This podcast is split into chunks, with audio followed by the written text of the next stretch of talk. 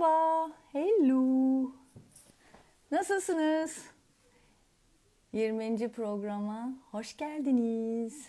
20. hafta. Evet. Haftaya son hafta. O yüzden bugün ve son hafta yani önümüzdeki hafta çok önemli. İki son bölüm. Ona göre diyorum. sezonu, kış sezonunu bilgilendirme, beslenme çantası diye başlattığımız bu e, götür beni denizlere ey konu ve konuklar diyerekten e, sonuna doğru geliyoruz artık. Yaz başlıyor. Sezonlar açılıyor. Artık başka dertlerimiz olacak. Ama iyi, güzel gitti. Yani güzel konular ağırladık. Güzel konukları ağırladık. Güzel bir şeyler öğrendiğimizi düşünüyorum. Ben çok şey öğrendim bu hafta, bu e, şey sezon, kış sezonu.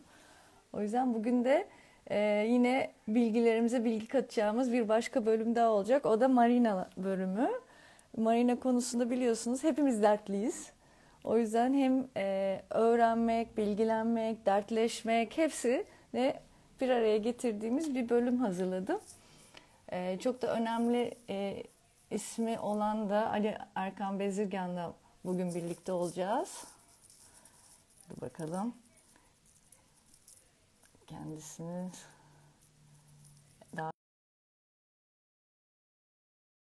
daha aksilikte olmaz bağlantıda. Merhaba. Evet. Heh, merhabalar. İyi, İyi akşamlar. akşamlar. İyi akşamlar. Nasılsınız Ali Bey? Ben Ales'teyim. Sizi sormalı. Ay ben de. Hadi bakalım o zaman. İyi akşamlar diliyorum. Öncelikle hoş geldiniz. Çok teşekkür hoş ederim kabul ettiniz böyle bir programı. Çok da Instagram kullanmadığınızı da biliyorum. O yüzden çok çok teşekkür ederim valla. ne demek. Çok çok sağ olun. Şimdi bugün e, yine uzun bir konumuz var. Çok da soracak çok da sorularımız cevaplayacak, çok üzerinden geçecek çok bilgilerimiz var. O yüzden böyle çok hızlı başlayacağım ben yine bu bölümde de. Ali Bey ben şimdi böyle e, kısa bir birlikte de sizinle de konuştuk zaten. Biraz böyle bir geçmişinize baktığımda böyle e, vesilelerle zaten size ulaştım. E, bayağı hani doğru insana ulaştığımı düşünüyorum Marina mevzusunda. Çünkü sizin zaten e, geçmişiniz Tursap'tan, e, Turban'dan geliyor bu. Yani turizm Doğru. geçmişiniz var ve ondan sonra da e, Doğuş Holding'le beraber bu 30 yıl 37 yıllık çalışma hayatınızın 18 yılını Doğuş Holding'de geçirmişsiniz. Yani marina Doğru. müdürlüğü, marina işletmeciliği e, yapmışsınız. Ve daha sonra da e, marina yatırım ve işletme danışmanlığı ve nasıl işletilir marinalar vesaire konularında danışmanlık vermişsiniz. E, şimdi de emeklisiniz diye biliyorum ama muhakkak Yok, dışarıda... emekli danışmanlığa devam ediyorum. Ha danışmanlığa devam ediyorsunuz. Evet. O zaman bayağı evet e, şey o tamam. O zaman daha da iyi. E, ve şu anda da Turgut Reis'te yaşıyorsunuz diye biliyorum değil mi? evet, evet. Peki e, hani buna eklemek istediğiniz, sizi biraz daha tanımak için eklemek istediğiniz, değinmek istediğiniz bir şeyler vardır diye düşünüyorum. Valla aslında kendi özgeçmişimi zaten herkes çoğu denizci arkadaşlarımız biliyor, ulaşabilir. Evet.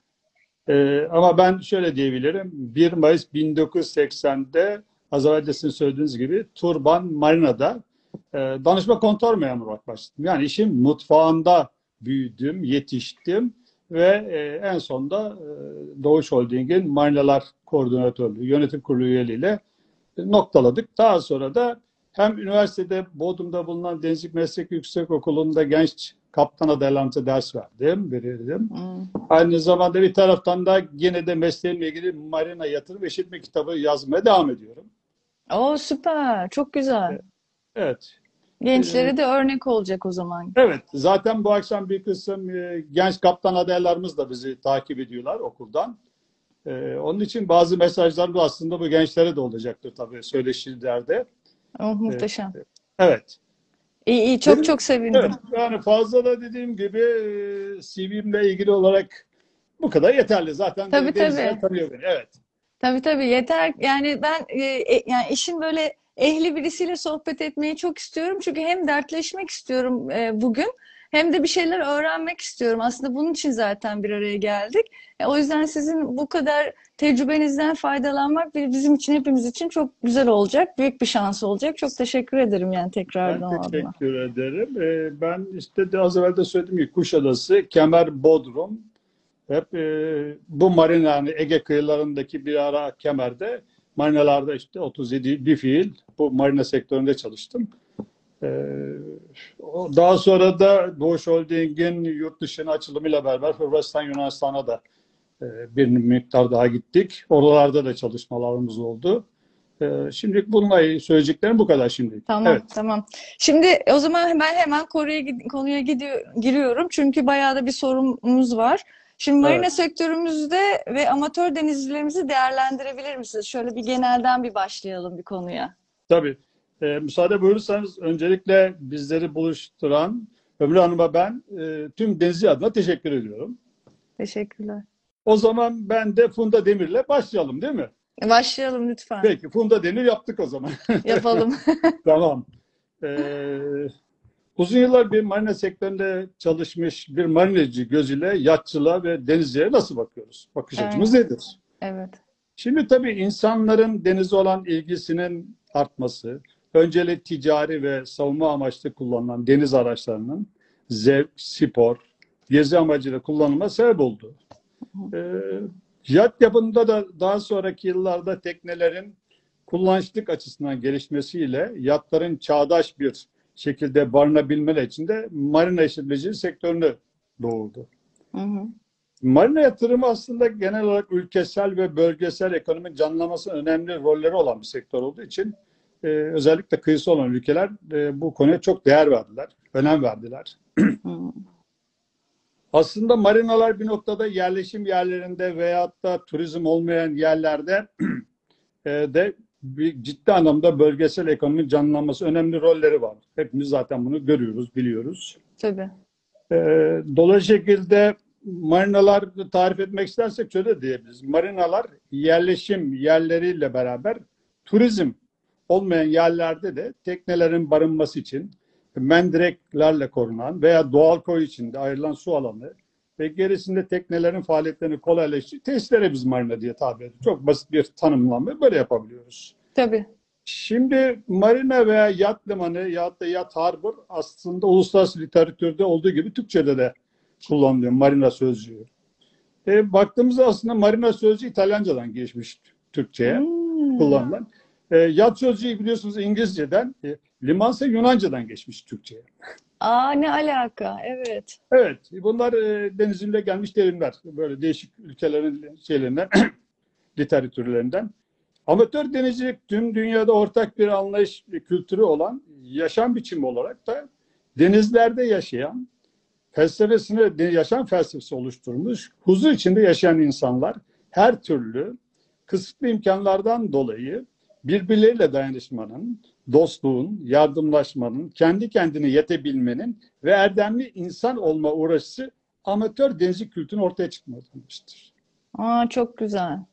Çok güzel. İnsanlığın içinde bulunduğu sanayileşme, sosyal baskı, sıkıntılar, ekonomik buhranlar ve savaşlardan bulanan insanların bir bölümü teknelerle denizlere açılmışlardır. Yani doğaya dönmüşlerdir. Hmm, çok doğru. Çağımızda yüz binlerce insan modern dünyanın sunduğu yaşam tarzından ve şehir hayatının kısır çekişmelerinden, yapay davranışlardan sıyrılmayı bilmiş, denizciliğin tüm zorluklarına rağmen denizler kaçış yeri olmuştur. Hakikaten de öyle. Evet. Özellikle pandemide bayağı kaçtık. Aynen. Amatör denizci için yelken yapmak seneler geçtikçe aslında yelken bir zevkten tutkuya dönüşüyor amatör yatçıda. Yelken. Kesinlikle. Kesinlikle. Amatör tekne sahibi bireyler aslında evlerindeki konforu asla tekneye taşımaya çalışmazlar. Benim Evet. görüşüm tabii. Tabii tabii doğru katılıyorum. Amatör denizci her konuda kendi kendine yetebilen ve bilgi birikimlerini arttırarak eşsiz bir pratiği yaşarlar. Yani Doğru. Az yetinmeyi hayat felsefesi haline getirmiş olan amatör tekne bireyleri ilkel şartlara yaşama denizciliği değildir. Hmm, Bir alçak gönüllülük veya yetinme denizciliğidir. hmm, doğru. denizcilik düşünüp, yaratıp, uygulayabilmenin bir fırsatıdır aslında. Doğru uygulandığında kişiyi pek çok konuda uzmanlaştıran eşsiz kişisel gelişim biçimidir aynı zamanda. Yüzde yüz Yani- katılıyorum. Hayatı boyunca aslında düzenli olmamış birisi marinada bağlama yapmış teknesinin içinde en düzenli ve tutumlu bir insan olur. Hatta disiplini hayatı öğrenir. Doğru. Kesinlikle. Teknenin disiplini olmadan zaten yaşayamazsınız. Hayatta da kalamazsınız, mutlu da olamazsınız. Çok doğru. Yelkini ve denizi seven bir insan aslında ölene kadar asla yelkenli tekneyi terk etmez. Böyle bir alışkanlık oluyor tabii ki. Ay sormayın. Onu ben de yaşadım bu Evet. Evet. Ancak zaman içinde bedeninizin fiziki yetenekleri yelkenle işinizin bittiğini söylemeye başladığı zaman ise rüzgarlı havalardan artık nefret etmeye başlarsınız. Evet biraz yoruyor gerçekten Evet. de. Artık rüzgarsız havalardan hoşlanmaya başlarsınız, hoşlanmamaya başlarsınız. Evet. Yani motor yata aslında geçme zamanınız da gelmiştir denir o zaman işte. Aa, ben katamaran düşünüyordum ama belli mi olur? Paraya bağlı. O da bir noktada evet. Ee, dolayısıyla şekilde çağımızdaki ekonomik ve sosyal gelişmelerle birlikte artan tatil süreleri, yükselen refah seviyeleri, denizci olan ilginin çoğalmasına buna bağlı olarak seyre çıkan denizcilerin ihtiyaçlarını karşılayabilecek rotalar üzerinde marina arayışını ve taleplerini de beraberinde getirmiştir. Evet, evet. Aynen. Amatör denizciliğimizi incelediğimizde tekne sayısının artmış olduğunu, marina yatırımları ise artık lüks marinalar olarak inşa edildiğini de görüyoruz. Sormayın. Peki bu denizciliğimizin geliştirdiği anlamına mı geliyor? Şüphesiz ki hayır. Bak kaşlarım Toplumun- kalktı. Toplumun denizcilikten yarar görmesi için bireysel gelişimi destekleyen biçimlerde yapılması gerekir. Evet. Önemli olan bireylerin mutluluğu, dolayısıyla toplumun mutluluğudur. Evet. Ancak devletlerin, kurumların amacı toplumlarına yol göstermek ve onları daha doğru yönlendirebilmek ve ona göre politikalar üretmek olmalıdır. Hmm. Ancak bu şekilde daha huzurlu ve mutlu bir toplum oluşabiliriz. Amatör denizcilik ile amatör tekneler maalesef devlet kurumlarına tam olarak tanımlanamadığı için veyahut da amatör denizcilik her zaman devletin gözünde bir sınıf sporu, zengin uğraşısı olarak algılandı. Ay evet ya. Sonunda biri bunu söyledi. Zengin değiliz. evet. Duyurmak istiyorum. Zengin olsaydım zaten başka şeyler yapıyordum. Ama işte maalesef e, biliyorsunuz hani hani bir tayin terim vardı biliyorsunuz. Yatı katı olayı vardır maalesef biliyorsunuz. Ay evet ya. E, devletin de bakış açısı maalesef, Maalesef. bu noktada birleşiyor. İşte Etkili evet. ve bilinçli bir denizcilik politikamızın da olmaması, amatör denizciliğimizi toplumsal zafiyetlerimiz nedeniyle kolaycı bir denizciliğe de dönüştürdü bir noktada. Hmm. Aynen öyle. Devlet Ay. bürokrasisi senelerdir amatör denizciliğin gelişimini engelleyen ağır bir bariyer gibi durdu hep önümüzde. Hmm. Maalesef. Yani mesela bu basit bir marina yaptırıma baktığımız zaman Doğuş Holding'in Turgut ve İsmail'i devlet bir deniz olarak verdi. Ee, onunla ilgili bazı tarihleri de paylaşmak istiyorum. Yani ne kadar sürede bir marina yatırımı gerçekleşti derseniz devlet aslında e, 1997 yılında çeşitli yat limanları ihalesini açtı. 97 yılında 1997. Hmm. Ee, ve o yıl ihale sonuçlandırdıktan sonra e, 97 yılında marinat e, şeylerini ihalelerini kazanan kişiler e, bunları e, projelendi, tasarımlara başladı 97 yıllarında. Hı hı. Ve 97'de buna rağmen ihale bitti halde bir yıl sonra ancak devlet sözleşme yaptı. Ve 17 ayda ÇED ancak bitebildi. ÇED Marina'nın 17 ay. Hmm. İmar planlarının onayı devletin yap işlet projesi olmasına 9 ayda tamamlandı. Hmm. Ve e, Milli Emlak'ın da yer teslimi ya da arazi izni de 8 ay devletin yatırımı olmasına 8 ay sürdü. Hı yer teslimi devletin. Ve ona rağmen bütün bu uzun bir sürece rağmen Doğuş Holding de 30 ayda marinasını tamamladı ve açtı. Ee, ben denizi adına da gerçekten Türkiye'ye denizi alıp da bir marina işletmesi haline dönüştüren e, kendi çalıştığım eski grubumuza, Doğuş grubuna başta Filiz Şahik olmak üzere, Sayın Feriz Şahik olmak üzere şükranlarımı arz ediyorum. Gerçekten e, bir marina e, yatırımlarına bir kriter getirdiler. Çıtayı çok yükselttiler. Evet. E, ve diğer marinalar da bunu takip etti. Benim çalıştığım yer olarak söylüyorum tabii ki. Hı hı. Evet, amatör denizciliğin tabii ki teşvik edilmesi için doğru dürüst çalışılmadığı gibi bakalım devletler aynı zamanda harçlar ve vergilerle de küçük tekne sahipleri maalesef denizcilikten soğutuldu. Hı hı. Vergilendirme küçük tekne denizciliğini teşvik edecek biçimde yeniden düzenlenmesi gerekir aslında bana göre. Hı. Ve amatör denizciliğin önünün açılması için de gerekli adımların atılması sağlanmalıdır. Hı. Çünkü yıllardır sorun olan bağlama ve barınma meselesi ne yazık ki hep rant açısından bakılıyor. Aynen öyle. Zaten yorumda da aynı mevzu var. Yani artık bu iş e, bir barınma alanı olmaktan çıkıp bir bağlanma e, zorunluliyeti haline gelen bir nokta oldu gerçekten de. Evet. Yani tabii ki mesela kaçış bir barınma alanı olarak görünen marinalar şu anda e, bir işletme gibi bakılıyor. Bir rant Doğru. oluyor. Tabii bir turizm yeri olarak işte konser yeri, yemek yeri vesaire ye- yerleri gibi görülüyor. O Aynen. yüzden biraz amacından maalesef ha Uzaklaştı. amacından sapmış da olmakla beraber belki bölgeye de bir faydası olmuş olabilir. Ona da bir şey diyemem ama birazdan da kendini de unutmaya başladı. Yani sen- varoluş sebebini unutmaya başladı. Bizim aslında derdimiz orada. E şimdi zaman içerisinde ilerken e, biraz sonra bunlara da değineceğim.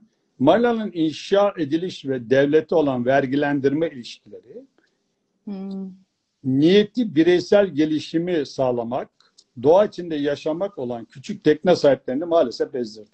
Evet, aynen öyle. Fiyatın arz taleple belirlendiği ortamda artan nüfus ve satın alma kolaylıkları nedeniyle sayılarının artması zaten aşırı lüks felsefeyle ve maliyetle inşa edilen marinalarda devlet esaslı vergiler de getirince bir küçük teknenin bağlama ücreti bile lüks bir evin kira bedeline eşit oldu.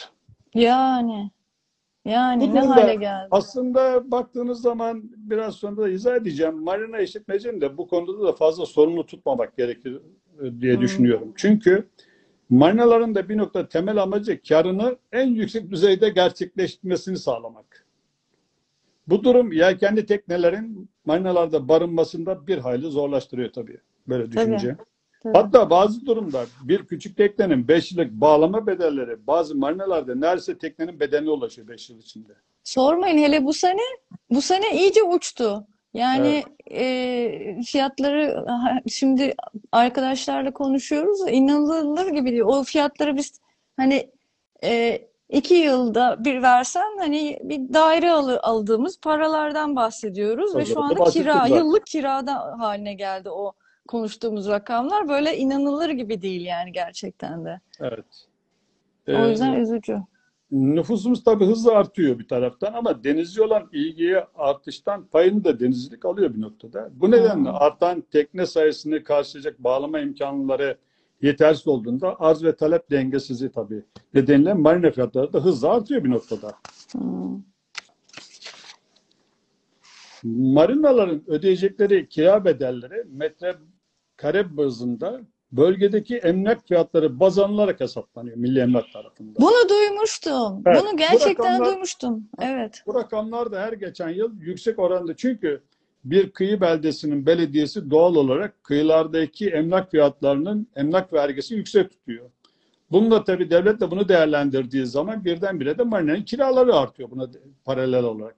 Tabii şurada ayırt etmek lazım. Yap işlet devletlerde 25 yıl e, alınmış olan yap işlet devletlerin 25 yıl son boyunca e, kira oranları her yıl belli artışların ne kadar olacağı bellidir. Belli olmuş çünkü bir yatırım yaptığı için Belli bir 25 yıl yüzdede. boyunca- Evet. Evet, doğru, evet. Ee, as dediğiniz gibi az evvel de ülkemizde son zamanlarda inşa edilen marinalar artık bir AVM görüntüsüne dönüştü. Hmm. Evet. Ee, tek Doğa- başlarına doğaya tabii, uymuyor. Doğasına Evet. uymuyor yani. tabii tek başlarına sınırlı e, kapasiteleri, yüksek bağlama ücretleri nedeniyle aslında bağlama sorunu tek başına çözemiyorlar ve nitekim de sadece açık amatör etçiye sadece belli noktada yardımcı olabilirler. Hmm. Aynen öyle. Marina işletmelerinin devlette ödediği maliyetlerin rekabet ettiği Akdeniz çanağındaki diğer ülkelere göre ciro bazlı olması nedeniyle ülkemizdeki marinanın neden pahalı için yani çoğu Avrupa ülkesinde marinalara e, devlet ciro bazlı ba- yapmış. Kira değil, ciro bazlı. Hmm. Dolayısıyla bu da tabii etkenlerden bir tanesi fiyatları etkiliyor. Yani yeni marinalar o yapılsa bile fiyatların dramatik biçimde artmasının önüne Türkiye'de geçmek şu anda mümkün değil. Hmm. Aynen. Teknelerin bağlanma ve barınma ihtiyacı salt bir gelir kapısı olarak düşünüldüğünde amatör denizciliğimize denizciliğimize maalesef bu doğrultuda yeterince gelişemeyecektir. Gelişemeyecek. Evet.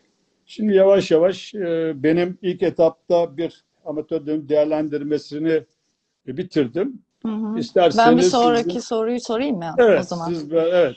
Ya madem böyle girdik o zaman şeyden bahsedelim. Bu marina işletmeciliğinin hani işletmeci olarak temel fonksiyonları ne oluyor bizim için? Onu bahseder misiniz? Tabii ki. E, muhtelif ülkelerden çeşitli tabii sosyoekonomik, sosyo-psikolojik çevrelerden gelen tekne sahipleri, yani tabii yabancıları da ben hepsini dahil ettim bu işe, beklentilerini ve arzu duyduğu hizmetleri bağlama yaptığı marinalarda arıyor bir noktada.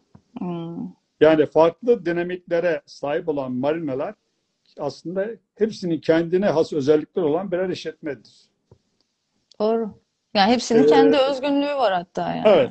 Bunun için marina personelinin görgü ve bilgisinin her şeyden evvel yatçı düzeyinde arttırılmasıyla gerçekleşebilir. Hmm. Çünkü marinalar hizmet kalitesi bir marinanın kilit taşı. Evet. Tabii canım. Onun yüzü özellikle Evet. palamarlar marinanın Tabii yüzü aslında. Ee, diğer bir taraftan da tabii son zamanlarda e, da şunu da görüyoruz. Marina yönetimi yeni olan arkadaşlar geliyor. Ee, bu ilk etapta tabii marina sektöründen olmadığı için ilk etapta olayın bütününe hakim olamayabiliyorlar. Ee, bu da çok doğal. Ancak bir taraftan da marina işletmeci dünya çapında hızla büyüyen bir sektör. Marinacılık hizmet sektörü sürekli gelişen, çok komplike bir alan olduğundan bir marina yöneticisinin hataları sonucu maalesef marinayı batış yoluna da götürebiliyor. Hmm, Evet. Ee, yani başarılar ve başarısızlıklar sadece yönetimin sorumluluğundadır. Ama temel fonksiyonlara baktığımız zaman günün ihtiyaçlarına ve teknik ilerlemelere ayak uydurmuş, müşteri memnuniyetini sağlayacak, bilgili ve kaliteli bir hizmet vermeye anlayışlı hedefi olmalı. Tabii. Marina işletmeciliği çünkü üretim, satış, hizmet bazlı aslında iş kollarında farklı bir işletmecilik değildi. Sadece yapısı ve sürekli insan ilişkilerine bağlı tamamen. E, marina işletmeciliği aynı zamanda günün 24 saatinde ve haftanın 7 günü insan gücüne ve müşteri ilişkilerine dayalı hizmet endüstrisi olmasından dolayı en önemli faktörlerden bir tanesi. Hmm, Aynen öyle. Yani marina personelinin az evvel bizim Palamar gibi bahsettiğim gösterici performans, verimlilik, marina kalitesinde ve gelirleri konusunda önemli rol oynuyor aslında. Tabii. Yani e, şöyle diyebilirim benim için basit. Performans eşittir kaliteyi getirir. Personel açısından neşeli, verimli, artı anlayışlı davranışlar da bir marina hizmet stilini meydana getirir. Öyle. Katılıyorum. Ee, Peki- bu konuda da bunu da, da şimdi bunu da bu kadar. Evet, siz sorunuzu Evet evet gelişen sorularda zaten hep böyle bazı şeylerin altlarını da çizeceğiz diye düşünüyorum ilerleyen zamanlarda. O yüzden ben şu anda birçok şeyler konuşulur ama es geçeceğim. Çünkü zaten de, derinlemesine, derinlemesine gireceğiz. Ee, peki şey e, mesela marina yönetiminin prensiplerine girebilir miyiz? Temel Tabii prensiplerine. ki onu da şey, iyi bir marina yönetimi için geçerli olan temel prensipleri de şöyle diyebilirim. Hizmet sektöründe faaliyet gösteren aynı büyüklükte herhangi bir şirket içinde gelen prensipler de az evvel de söylemiştim. Hmm. Ama de bunları bir toparlarsam yönetimin ve operasyonun ölçülebilir verimliliği, marinanın düzeni ve sistemli temizliği, Hmm, personelin uyumlu işbirliği, ekip bütünlüğü, tabii. verilen hizmet ve servislerin kalitesiyle miktarı, satış ve servisler için talep edilen ücreti belirleyen kriterler. Evet, Hmm. burada da temel e, prensipleri de bu şekilde özetleyebiliriz. Tabii tabii doğru söylüyorsunuz aslında evet. Peki şimdi Türkiye'de böyle e, bağlanma yeri hem çok az diyor düşünüyorum hem de biraz da fazla da değişik bir şekilde ilerleyiş var ama bir dengesiz de olduğunu kendimce düşünüyorum. O yüzden şöyle bir soru yöneltmek istiyorum. E, yani bağlanma yeri orantılarına bakarsak e, bağlanma yeri dağılımı hakkında ne düşünüyorsunuz sizce? Şimdi iki tane hem dağılıma bakalım hem de bu tekne kullanıcıların profiline de bakalım. Tamam. İsterseniz onu da bir değerlendireyim müsaade Tamam. ederseniz. Tabii tabii. E, marina müşterisi genel olarak tatil zamanını özel bir şekilde değerlendiren farklı bir tüketici hedef kitlesi bir kere. Hmm. Tabii. Dolayısıyla marinaların imkanlarına, konforuna bağlı olarak gelişen bu denizcilik maalesef son yıllarda tüketim denizciliğine dönüştü. E, Yani genel olarak amatör tekne sahipleri çalışan insanlar. Bundan dolayı da yabancı ülkelere yelken açacak kadar fazla zamanı olmayan ya da küçük tekne sahipleri. Hı hı. Şimdi bu tekne kullanıcı profilini e, bir değerlendir kategorilere ayırabilirsek şöyle diyebilirim. Hayat felsefesi sonucunu tercihini doğadan yana kullanarak denizde yaşayanlar Hmm. veyahut da denize ve doğaya adamış gezici tekne sahipleri e, tabii daha fazla zamanı olan, kimseler diyebiliriz. Hı. İkinci grubu ben şöyle diyorum. Yılda belli aylarda teknesiyle dolaşan, diğer zamanlarda ikmal veya kışlama yapmak üzere bir marinaya bağlama yapanlar. O bana Üçüncü- giriyor. Evet. Ee, üçüncü grupta e, marinada yaşayanlar. Evet. Son zamanlarda çok arttı. Biliyorsun marinada yaşayanların büyük bir çoğunluğu denizde, koylarda bulunmak yerine marinada elektriğini almış. Güvertesinde oturup zaman zaman marinanın havuzuna giden veya marinanın sosyal tesisinde zaman geçiren insanlarla son zamanlarda dolu olduğunu da görüyoruz. Bu da üçüncü Evet. grup. Evet, evet. Site hayatı gibi görüyor marina Evet, hayatını. aynen öyle. Şimdi teknelerin büyük bir bölümü aslında yaptığımız daha ve yaptığım çalışmalarda 50 yaşlarını süren şirket sahipleri, emekliler ve profesyoneller vardı. Yani Hmm. Üç noktada aslında böyle şirket sahibi. Biraz daha bunu detaylandırırsam e, müşterilerin, marina müşterilerinin önemli bölümü teknenin bulunduğu bölgelere kadar değişiklik gösteriyor ama marina müşteri önemli bir bölümü sanayici, inşaat, finans, tekstil, turizm ve tıp alanlarında çalışan ve diğer meslek gruplarını oluşturuyor. Baktığımız zaman yaptığımız Hmm. daha evvelki çalıştığım marinada yaptığımız istatistiklerden bunu yola çıkıyorum. Marina müşterinin tekne gezilerine baktığım zaman daha çok genel olarak marina tekne gezilerine büyük ölçüde ailelerle çıkıyor Türkiye'deki Hmm. hı. İkinci grup yakın arkadaşlar, iş arkadaşlarıyla çıkıyor. Üçüncü grup ise kalabalık grupların farklı türden ihtiyaçlarını giderilmesine yönelik sosyal alanların duş, tuvalet olanaklarının fazla olması nedeniyle mürettebatlı veya mürettebatsız kiralanan yani charter teknelerinde Hmm. çıkanlar oluşturuyor.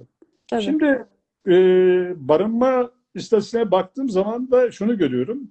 Ülkemizde yüzde otuz marinaların yüzde otuzu 12 ile 15 metre uzunluğundaki tekneler oluşturuyor. Yüzde 21'ini 9 ile 12 metre, yüzde 17'sini 15 ile 18 metre uzunluğundaki tekneler, yüzde 7'sinde 18 metre üstü teknelerin ayrıldığını görüyoruz bağlama yerleri olarak Hmm. marinalarda. Evet. Vay be. Bir o da bölgesel olarak değişiyor gerçi. Yani Tabii. mesela değil Yani mi? genel olarak. O evet. genel ortalama e, sizin kendi de tecrübelerinize göre. Evet. Evet, şimdi e, bunda da e, herhalde biraz daha şeyini vermiş oldum. Bazı Evet. istatistikler.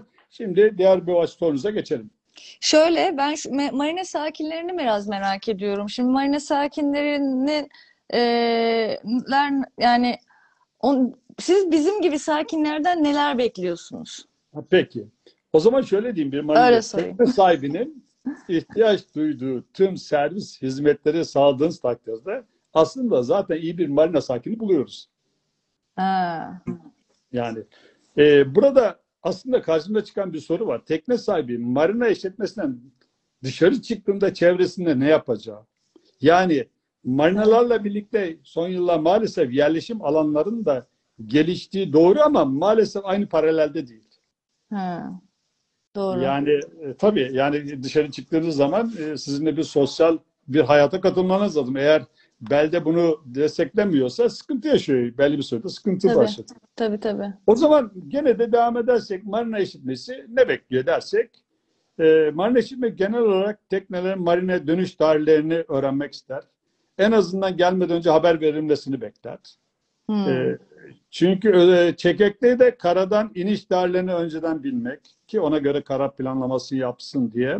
Tabii. E, gene rüzgarlı, çalkantılı denizlerden marinaya giriş yapan yatçının hemen sonra tabii ki evraklarıyla koştur koştur marina ofise gelmesini beklemez marinacı ama e, marina bağlama yaptıktan sonra da bir hafta sonra da kontrat yapmasını da hiç istemez. Aa, öyleleri de var demek ki. evet. Yani rahatlık biraz denizin getirdiği rahatlık oluyor biraz herhalde. Belki. E, Karakter Tabii bunda biraz. şöyle bir sıkıntı yaşıyoruz. Bu geç gelmesi şöyle bir sıkıntı yaratıyor. Marina işlemi girişi tamamlanmadığı için e, yatçı belki o marinaya geleceği zaman kendi adına bir kargo gönderiyor. Sizde tabii yatçının ismi olmadığı için böylece kargonun geri gönderilmesi böyle bir tekneye sahibi yoktur bizde diye kargoyu geri göndermek zorunda kalıyorsunuz. Bu yaşadığımız Aa, olaylardan tabii. Girişin hızlandırılması sizin orada olduğunuzu sizi soran veyahut da sanınıza gönderilmiş bir kargonun size ulaşmamasını da bir noktada tabii getiriyor.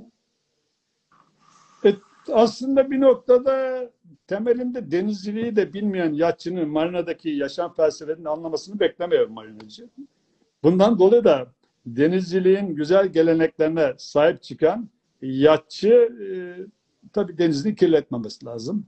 Evet. Komşu teknesinin suyunu, elektriğini, adaptörünü izinsiz kullanmaması gerekir. Çalanları biliyorum. Çalanları alma izinsiz Yani kullanmayı ben geç. o kadar tabii teknik evliliklerini Hortumunu bilmem nesini çalanını bile biliyorum. Hortum ucunu, adaptörünü çalanını biliyorum. Tövbe yarabbim. Evet. Neyse dertleşiyorum ya o yüzden rahat evet. konuşuyorum. Pont- pontonunu temiz tutar. Geçişi engelleyecek malzemelerini rıhtım veya iskele üzerine koymaz. Müzün sonuna kadar açıp çevresindeki komşu tekneyi rahatsız etmez. Lütfen. Marina girişinde sırada birçok tekne beklerken anons etmeden kimseyi dinlemeden basenin içine asla girmez. Aa onu yapan da mı var? E, tabii çünkü e, e, yani para verildiği zaman sanki bir marina satın alma gibi yaklaşım olunca o da oluyor tabii. E, ve marina sakini aslında problem yaratmaktan çok bütün marina personeliyle birlikte çözmeye çalışıyor. Empati kurar, ön yargılı yaklaşmaz konuya. Evet. Hani şunu bilir bir kere iyi bir yatçı. Marina aslında köyden büyük, kasabadan küçük bir yerleşim birimi. Evet. Hep birlikte hoşgörüyle yaşayınca hiçbir sorun çözümsüz kalmaz. Tabii. Komün bir yaşam yeri. Herkesin evinin Evet. aynı olduğu. Evet. Ortamın, O zaman, atmosferin e, aynı olduğu. Bunu da sonuçlandırırsan iyi bir marina sakini deniz örflerini bilen insandır. Bu kadar. Kesinlikle. Bunda da Aynen. söyleyeceğim bu kadar bu konuda. Ben de ben de şunu eklemek istiyorum. Hazır Tabii yeri ki. gelmişken çok rahatlıyorum böyle konuştukça. Yani ben e, şu e, mesela tekneyi yıkarken kullanılan e, çamaşır suyu, cif ve böyle beyazlatıcı yani zarar verici bütün e, deterjanların marina içinde dağılmayan suda kullanılmasına çok karşıyım. O yüzden bu konuda da kendimi de duyurmak istiyorum hali hazırda böyle bir platform bulmuşken. Lütfen o yani malzemelerimize dikkat edelim derim. Şimdi bu deniz suyunda tabii kullanılan deterjanla e, konu olarak maalesef halen daha çeşitli bakanlıklar e, birbirinin üzerine bu e, pas atıyorlar diyeyim. En son Sağlık Bakanlığı'nda kalmıştı. Deterjanlar denizi öldürür mü öldürmez mi diye. Ama ben emekli olduktan sonra bakanlıklarla fazla şeyim olmadığı için bu konuya bir çözüm getirdiler mi getirmediler bilmiyorum. Yok ya hala bir yaptırım yok. İnsanlar normal bildiği evde nasıl temizlik yapıyorsa bir de Bazen- beyazı temizlemek istiyorlar bu fiberi. İyice böyle abanıyor yani böyle hem deniz kokuyor hem deterjan köpük oluyor her yer yani inanılır E, gibi değil. bazı akıllı kaptanlarımız da vardır. Doğaya e, fazla rahatsızlık vermeyen deterjan kabının içine de e, bildiğiniz bulaşık deterjanını şey yapar. İkaz ettiğiniz zaman size gösterir. Bakın der. Benim kullandığım doğaya ama güzel ama köpükleri nasıl izah ediyorsun bana dediğim Evet. zaman duruyor tabii. Evet. Yok yok o kendini belli ediyor canım. O kadar da Evet. e, bir şey değil yani diyeceğim. Peki şey sorayım. Ee, yani biz neye göre ve nelere göre marina tercih ya- yapıyoruz? Yani biraz, biraz kri- kriterlerimizden bahsedelim mi? Marina kriterleri nere, neye göre ayrışıyor bizler için? Şimdi biliyorsun marinalar bölgenin sosyal yapısını bir parça insanların yaşam standartlarını ve ekonomik canlılıkla arka plandaki birçok sektörü de besliyor.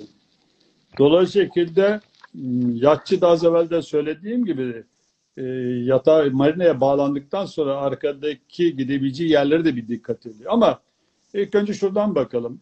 Kültür ve Turizm Bakanlığı'nın sınıflandırmasına göre aslında Türkiye'de üç çeşit marina var. Üç çıpalı, dört çıpalı, beş çıpalı. Aslında O ne bu demek? evet e, yani belli bir kriteri var Marina Turizm Bakanlığı'nın. O kriterlere göre marinaları belgelendirmiş. Aslında Ha. şöyle diyelim 5 yıldızlı otel, 4 yıldızlı, 3 yıldızlı gibi. Ha, Ama ha, ha, ha. Bunu denetimi Anladım. olmadığı için aslında marinalar kendilerine göre bir fiyat uyguluyor. Bir de bu da çok bir türlü çözümlenmeyen. Aslında marinalar aslında üç kategoride Türkiye'de. Belgelerinde de yazar. Aa, öyle Daha- bak güzel bir şey bunu bilmek. Evet, ana yat limanı, tali yat limanı diye geçerdi. Şimdi bunu bakanlık çevirdi. Üç çıpalı, dört çıpalı, beş çıpalıdır. E tamam Atıyorum anladım. mesela. Evet, yani şekilde buna göre belirli. Şimdi peki yatçının kriterine ben baktığım zaman ne görüyorum? Bir, amatör yatçı bir kere fiyat birinci önemli geliyor. Evet. İkincisi konumu.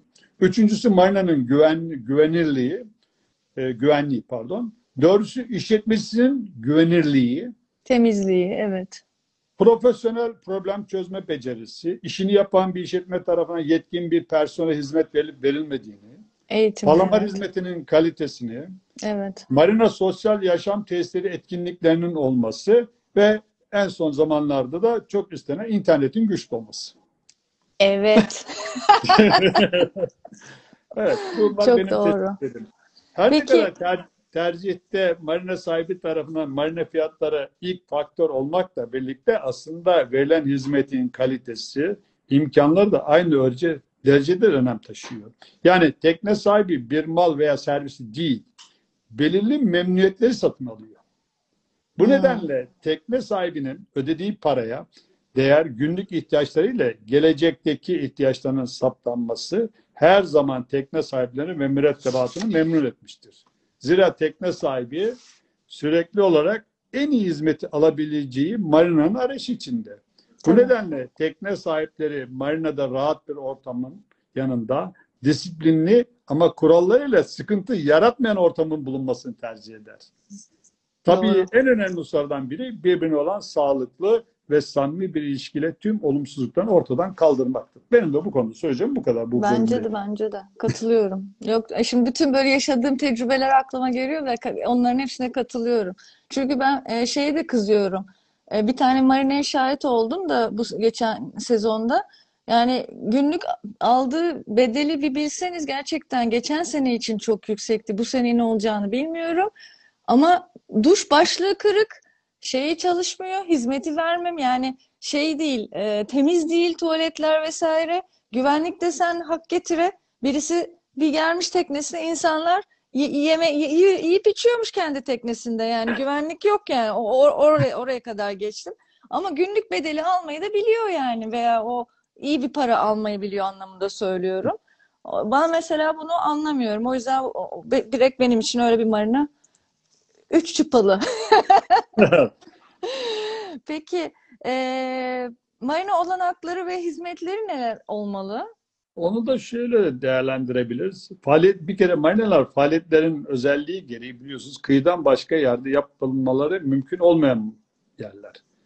Ee, ama bu mimari altyapı, üst yapı tesislerin bazen yapılması projelerde de Çevre ve Şehircilik yeni adı İklim Değişikliği Bakanlığı ile Hmm. Kültür ve Turizm Bakanlığı yönetmenlikte yapılaşma esaslarındaki yer alan nitelikler, standartlar arasında farklılıklar nedeniyle aslında sorun da yaşıyorsunuz.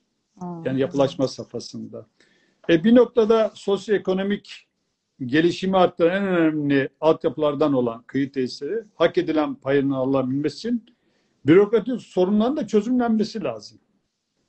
Yani ülkemizde marinalar da bildiğiniz gibi çeşitli özel sektörler, belediyeler tarafından veya muhtarlıklar tarafından işletiliyor. Hmm. Ama marinalar ticari işletme olduğunda niteliklerine göre sundukları hizmet, imkanlar, işletme anlayışları, fiyat politikaları gibi birçok konuda farklılıklar ortaya çıkıyor. Çünkü üç tane farklı işletmeci grubu var baktığımız Hı hı. zaman. Hı hı. Ee, dolayısıyla de marina tesislerine yararlanacak tekneler, sahipleri, mürettebat, tekne müşterisiyle uyacakları yönetim ilkeleri, fiyat listeleri bağlı olduğu kurumların aslında tasdik ediliyor. Yani belgeli Marinalar Kültür ve Turizm Bakanlığı, e, diğer yerleri Ulaştırma Bakanlığı ve ilgili belediyelerin de meclisi tarafından bağlama ve hizmet tarifi aslında onaylanıyor. Ancak tabii onaylanmış fiyat listesinin altında ücretlendirilmesi tabii marina yönetimin takdirinde. Çünkü e, aslında fiyat listesi dediğiniz zaman siz ilgili birime ne gönderiyorsunuz? Herhangi bir e, kritere tabi olmadan onayını alıp geliyor bir noktada da marina fiyatları. Tabii, tabii, tabii. E, bu da tabii bir sıkıntı yaratıyor. E, olarak te- tekne sahibi tarafından sürekli olarak kalitesi, fiyatlara uygun en iyi hizmeti alabileceği marina arayışı her zaman devam ediyor. Çünkü e, marina işletmeleri aslında e, birçok hizmeti müşterilerine en iyi şekilde sunmak zorundalar. E, ancak tabii iş, marinaların işletmeleri doğrudan kendi yönetimde olması gereken hizmetler bir kısmı da kısmı da kar getirecek üçüncü şahıslardaki işletmeler sağlıyor. Hı, O da var. tabii. Yani günümüzde değişen işletmecilik anlayışı değişti. Bu doğrultuda da marinalar asli hizmetlerine, konuklarına direkt olarak verilmesi gereken bazı hizmetleri veriyor ama yan hizmetlerinde konularda uzman- uzmanlaşmış firmalarla çözümleme yollarına gidiyor. Evet, evet. Onu mesela havuzlarda yapıyorlar bazı marinalarda. E, maalesef diyorum. Çünkü mesela e, marinalarda denize girmek normalde yasak. Zaten öyle olması lazım emniyet güvenlik açısından. E, ama girecek yer normalde havuzları oluyordu. Şimdi mesela havuzlar gidiliyor, başka bir işletmeye veriliyor. Sen bu sefer kendi marinanda yani, denize giremediğin için havuza gireceksin ama para karşılığında sanki başka bir yere gitmiş gibi Eskiden öyle bir kültürümüz yoktu yani her marinanın kendi havuzu, kendi düzeni vardı. Böyle boş boş şimdi görüyorum. Havuz baş, havuz var, işletme var ama layığıyla geç, gitmiyor yani hiçbir şey doğru düzgün. Evet. Benim de bu konuyla Ay, ilgili söyleyeceklerim onlar. Biraz böyle hafifletelim konuyu. Çok ağır şeylerden bahsedelim. Biraz böyle Evet neyse tamam. e- eğlenceli şeyler takalım, koyalım. Tamam tamam bak hatta şöyle bir konum var. Ee, şimdi acemi tekne sahiplerinin böyle trajikomik ilginç konuları, hikayeleri var mı sizin anlatmak Ee, istediğiniz? tabii bundan da biraz bahsedelim. Tabii ki yaşadığım bir sürü olay oldu.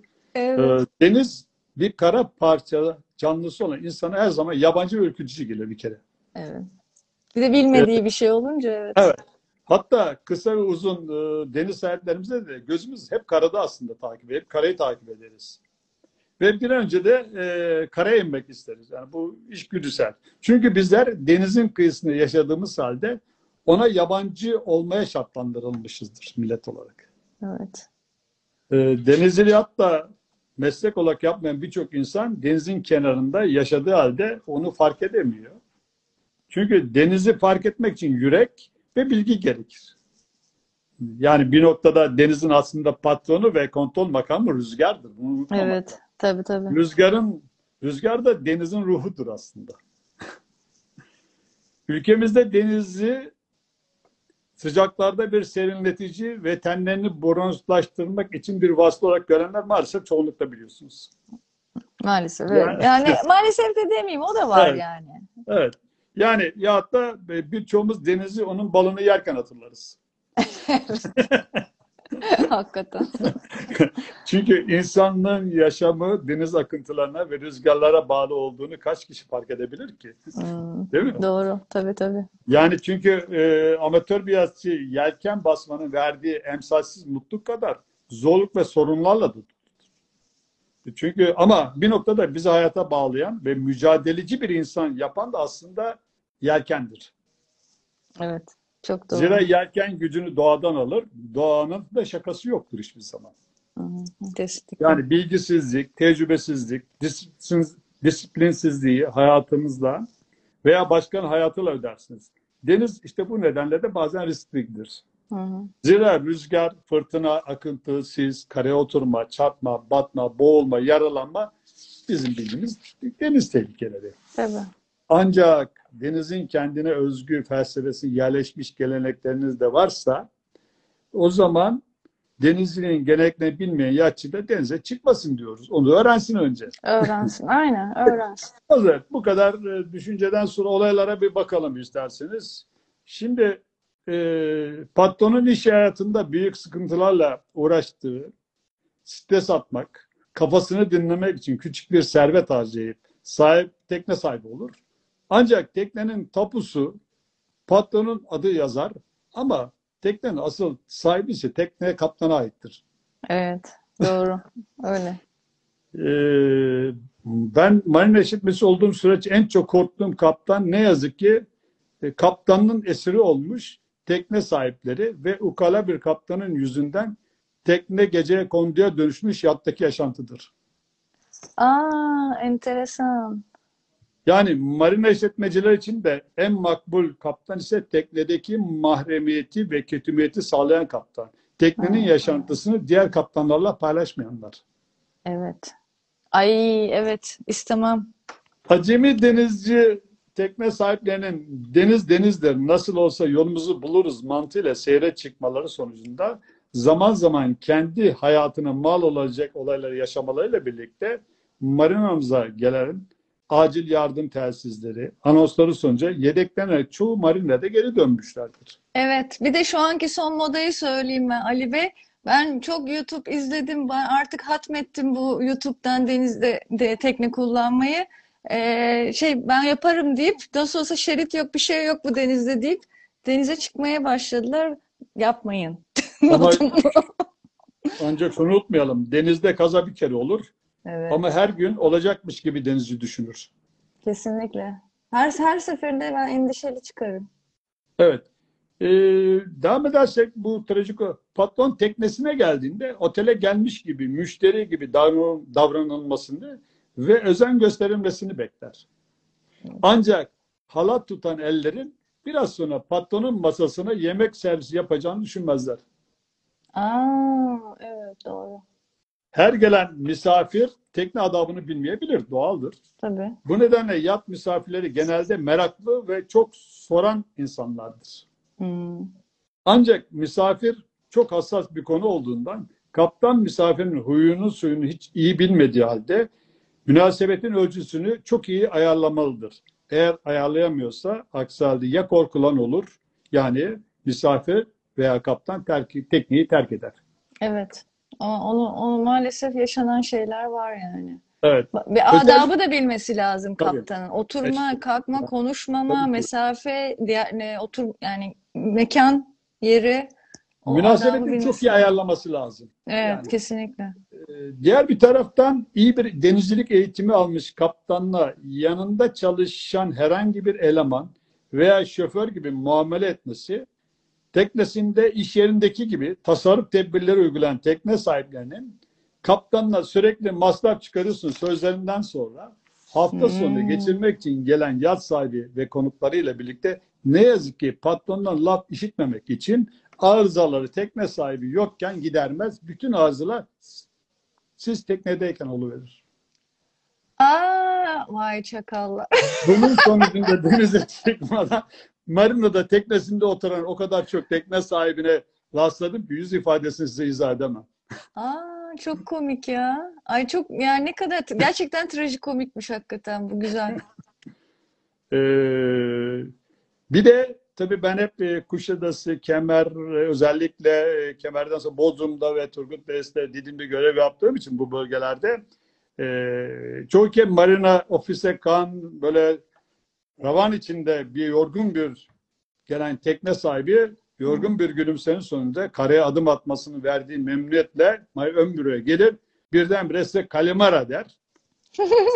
Ve bir anda marina ofisteki elemanlar ne diyeceklerini bilmedikleri için birdenbire yatçı hat- yaptığı hatayı anlar ve suratında böyle bir anda hayal kırıklığı olur. Bu da çok rastladığımız olaylardan biri. Gerçekten. Ay çok Evet. enteresanmış. Güzel Ee, güzel. Biraz benim e, fazla da sıkmadan e, trajik, komik olarak e, bazı şeyleri sizinle paylaştım. Hayatta yaşadığım enteresan olayları diyorum. Evet, Evet. enteresan. Peki e, mesela te- denizci kültürü olmayan tekne sahiplerinin rahatsız edici davranışlarından bahsedebilir miyiz? Yani ne, biz bu konularda nelere dikkat edelim kendimizde diye örnek olsun diye. Valla onlar da tabii yaşadığım olaydan direkt söyleyebilirim şey olarak. Tekne sahibinin marina ofise gele ilk defa karşılaştığı personel direkt olarak marinanın patronunu veya üst düzey yönetici tanıdığını dolayı şekilde söyleyip hemen anında güzel bir yer ve indirip isteyen yatçı profili. Aa, Ben hemen zaman çoğu zaman e, buyurun telefonu severim efendim arayın dediğimizde de yok canım iş adamıdır bu şimdi tekne marinanın sahibi ufak konu için kendisi rahatsız etmeyelim gibi bir cevapla e, karşılaşıyorsunuz. Yani şunu unutmamak lazım tabii. Ödeme konusunda özellikle her ne kadar marina yöneticileri ellerinden geldiği kolaylık e, yapmaya çalışsalar da hmm. ee, sonuçta marina yöneticilerinin de patronu, kurumu tarafı her zaman denetim altında. Bu nedenle herkesin bildiği bir gerçektir. Lüksün veresiyesi olmaz. Tabii. Yani. Yani tabii e, işte çok tartışılacak şeyler var gerçekten de. Marina lüks mü, lüks olmalı mı? Lüks e, yani gerçekten şu Evet. anda lüks bir noktada ama bu sefer de düsturları bilmem, bilmemiz gerekiyor vesaire. Aynen Ee, katılıyorum. diğer bir konulardan bir tanesi de en çok rastlaştığım konu şuydu. Marinada teknenin yer değiştirmesi sonucunda zaman zaman rahatsız edici boyutlara ulaşıyor. Yatçı maalesef marinada sabit bir yer alma ve marinanın uygun bir yer verme arasında ince, ince çizgiyi şaşırıyor. Hmm. Çünkü deniz yorgunluğuyla gelince telsiz adabına uymadan siz kim oluyorsunuz da aynı bağlama yerini vermeyip yerimi değiştiriyorsunuz gibi zaman zaman e, ne yazık ki e, bağrışmalar oluyordu. Ha, bu yani yanlışlıkla olmuş bir şeyi e, ulu orta serzenişe Veyahut da e, e, o anda lazım. marina haber vermediği için de söyledim marinaya haber vermediği için marina doğal olarak o teknesi uygun bir yer geçici olarak da verse bir yer e, gösteriyor ama tekne sahibi ısrarla aynı yere geçme e, ısrar edince tabii bu da zaman zaman rahatsız edici oluyor. Evet Tabii. benim de e, şeylerden söyleyeceklerim bu konuda böyle. Evet. Şeyi soracağım. Bu Türkiye'deki ilk marinanın neresi olduğunu biliyorsunuzdur siz. Evet tabii ki. Neresi? Ee, 1974'te açılan Çeşme Altı Yunus ama şöyle de çok kısaca bunlara da bahsedeyim istiyorsanız. Ha, tabii tabii. Şimdi aslında Türkiye'de ilk marina diyelim 60 1960 yılların sonunda aslında yatların barınma ve konaklama sorunu çözüm getirmek amacı yat limanında yapıldı devlet düşünmüş Ha. 60'lı yıllarda. Sonra yat limanı için 1967'ye kadar devlet düşünmüş ne yapalım diye. Sonra 67 yılında aslında bakanlıklar arasında bir yat limanı teknik komisyonu oluşturuldu. Ve 70'li yılların sonunda da 67'den 70'e kadar da gene bu çalışmalar devam etti. 70'li yılların sonunda da Turizm Bakanlığı'nın bünyesinde yat turizmi gündeme alındı ve çeşitli marina yerleri tespit edildi. O zamanki Devlet Planlama Teşkilatı tarafından e, gene gelişme planları içerisinde yat limanı zincirleri kurulması öngörülüyor. Ve az evvel de söylediğim gibi marinik özel sektör marinası aslında Çeşme Altın Yunus yani şimdiki Setur Marina'nındır. Hmm. 1974'te açıldı. Sonra Turizm Bakanlığı'nın kuruluşu olan Turizm Bankası vardı. E, Turban. E, dolayısıyla de Turban'da bu az evvel söylediğim Devlet Planlama Teşkilatı'nın yapmış olduğu çalışmalar sonucunda e, Turban tarafına 1976 yılında Bodrum açıldı. Yani Hı hı. 600'den sonra 76 yılında Bodrum devreye girdi. 77 yılında Kuşadası, 85 yılında Antalya ve Kemeriçi marinaları. Daha sonra yap işlet devletle Marmaris Netsel ilk defa Türkiye'de yap işlet. Hatta Netsel'in e, şeyi de şöyledir. Net Holding'de Yüksel'in birleştirilmesidir Netsel. Ha, bilmiyordum. E, tabii. E, Yani Yüksel Holding o zamanki Marmaris'i yap inşaatına başlanınca ekonomik olarak problemler başlayınca devlette dediler ki sen bunu tamamla burayı da işlet. Hmm. Onun üzerinde Yüksel Holding'de Net Holding'i de beraber ortak kurdukları konsorsiyumla yap işlet devlet moduyla Marmaris'i bitirdiler ve devre açtı. Ondan sonra zaten e, bu Marmaris'ten sonra bildiğiniz gibi ülkede birçok marina devreye girdi. Buna da detayına girmeye gerek yok. Zaten merak edenler de bunu internetten Tabii, öğrenir. tabii. Ama e, daha biraz daha bu detaya girmek istersen ülkemizde aslında Turizm Bakanlığı tarafından yat limanı tüzüğü ilk olarak denizden en iyi anlayanlar düşüncesine hareket ederek e, ilk yat limanı tüzüğü devlet e, Deniz Kuvvetleri Komutanlığı hazırlatılmış. Ha, Ve enteresan. Deniz Kuvvetleri Komutanlığı'nda taslağı hazırlayan yetki de doğal olarak yat limanı tüzüğüne de demiş ki Marina Müdürü'nün uzak yol kaptanı olması gereklidir. Hmm. Uzak yol kaptanı o yıllarda bir tek biliyorsun Deniz Harp Okulu mezununun dışında kimse yok. Hmm. Ee, benim çalıştığım yıllarda da dolaylı şekilde Turizm Bankası yani Turban'a hep marina müdürleri uzun yıllar emekli olmuş. Denizci yüzbaşına kurmaya her rütbeden subaylarla biz çalıştık. Hmm. Ee, ancak bu dönemlerde de tabii ilginç bir şey vardı. Ee, Turban'da da sendika olduğu için ve asker kökenli yöneticiler hiç alışık olmadıkları bir anda sendikalı enteresan bir dönemlerde yaşadık. Hı hı. Ee, Turban marinalarında tabii bir başka özellik daha vardı marina yöneticinin. Ee, bütün hizmetleri turbanlarda marina müdürü yüklenirdi. Yani sorumlu olurdu. Ne demektir? Bağlama, çekek, yat kulüp, restoran, market, deniz malzeme satış mağazası, benzin istasyonu her şeyi marina müdürü yönetirdi. Aa, Yani şimdi marinalar tabii marinalar işte onun için zaten biz Turban Okulu'nda yetiştik, büyüdük. Ha. Yani bir de o zamanlar tabii marinalar içerisinde alışveriş merkezi fazla olduğu için yani işte yatçı az evvel sizin söylediğiniz gibi yatçı önemli olan nedir? Deniz malzemeleri mağazası, yani Hmm. akaryakıt ikmali, market ve restoran. İşte Evet. marinanın ana bünyesi bunlardı. Ama sonradan tabii AVM'ye iş dönüşünce olay farklı yönlere gitti. Evet, Anladım. benim de Peki. ilk marinadaki hikaye bu kadar diyeyim. Tamam, ben şimdi en can alıcı soruma geliyorum. Şimdi bu marina hizmetleri ücretlenmelerini konuşmak istiyorum. Bu ücretlenmeler neye göre oluyor? Yani bir de yetmiyormuş gibi de şimdi TL bazında artış varken şimdi euro bazında artışlar olmaya başladı. Ee, aynı tekne bedelleri euro bazında fiyatları yükselmeye başladı. Yani eskiden diyelim ki senelik anlaşma 1000 euroysa şimdi aynı tekne boyu 5000 euro oldu mesela örnek veriyorum. Döviz bazında gidiyor her şey. Ee, bu artışlar nereye göre, neye göre? Bu genel anlamda biraz böyle serzeniş halindeyiz. Doğal olarak biz amatör demir denizciler, tekne sahipleri. Tabii ki. Ee, biraz ne düşünüyorsunuz bu konu hakkında? E, aslında marinalar tarafından verilen hizmetin ücretlenme tamamen aslında marina yönetim politikasına bağlı. Hmm. Bir kere bu birinci kriter. Her şeyden önce marina yönetici piyasa değerlerini şirketin ekonomik gelişme programını göz önüne alarak aslında yatçıya uygun istikrarlı bir fiyat sistemi yaratmaları gerekiyor. Evet. Yani bağlama ücretlerinde geçerli olacak bir fiyat politikası ancak tecrübeli ve bilgi birikimleriyle olur.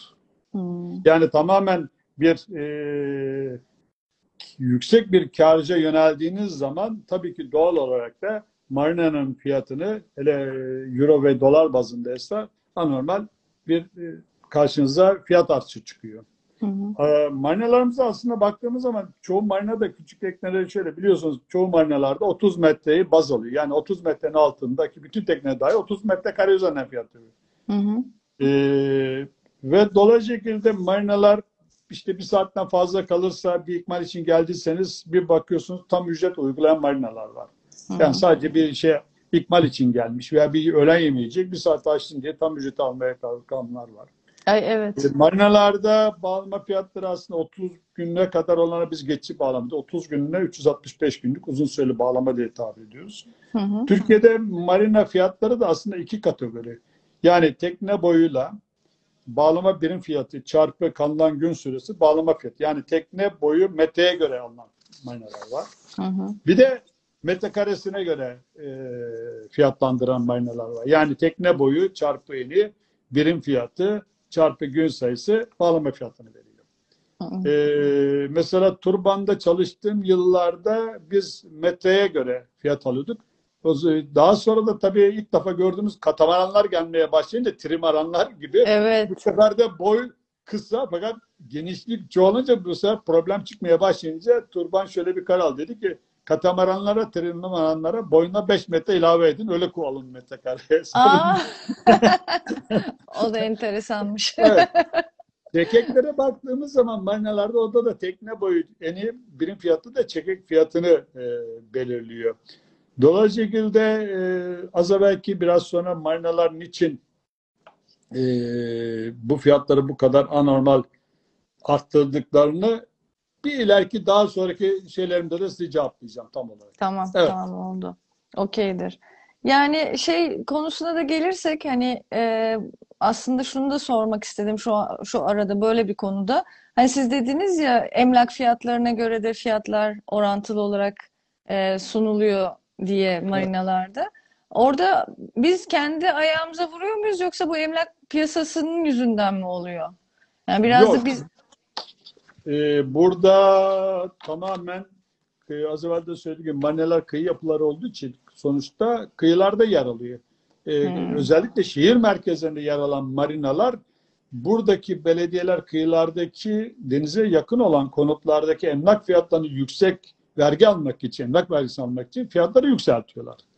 Hmm. Bu şekilde de dolaylı şekilde de e, oradaki marinalar da buna uygun olarak yapıyor. Yalnız şunu unutmamak lazım. E, çoğu e, marinaların yap işlet devlet veyahut da özelleştirme idaresine alındığı zaman aslında bunların yıllık artışları euro bazında veya dolar bazında bellidir. Yani 25 yıllık. Tabii.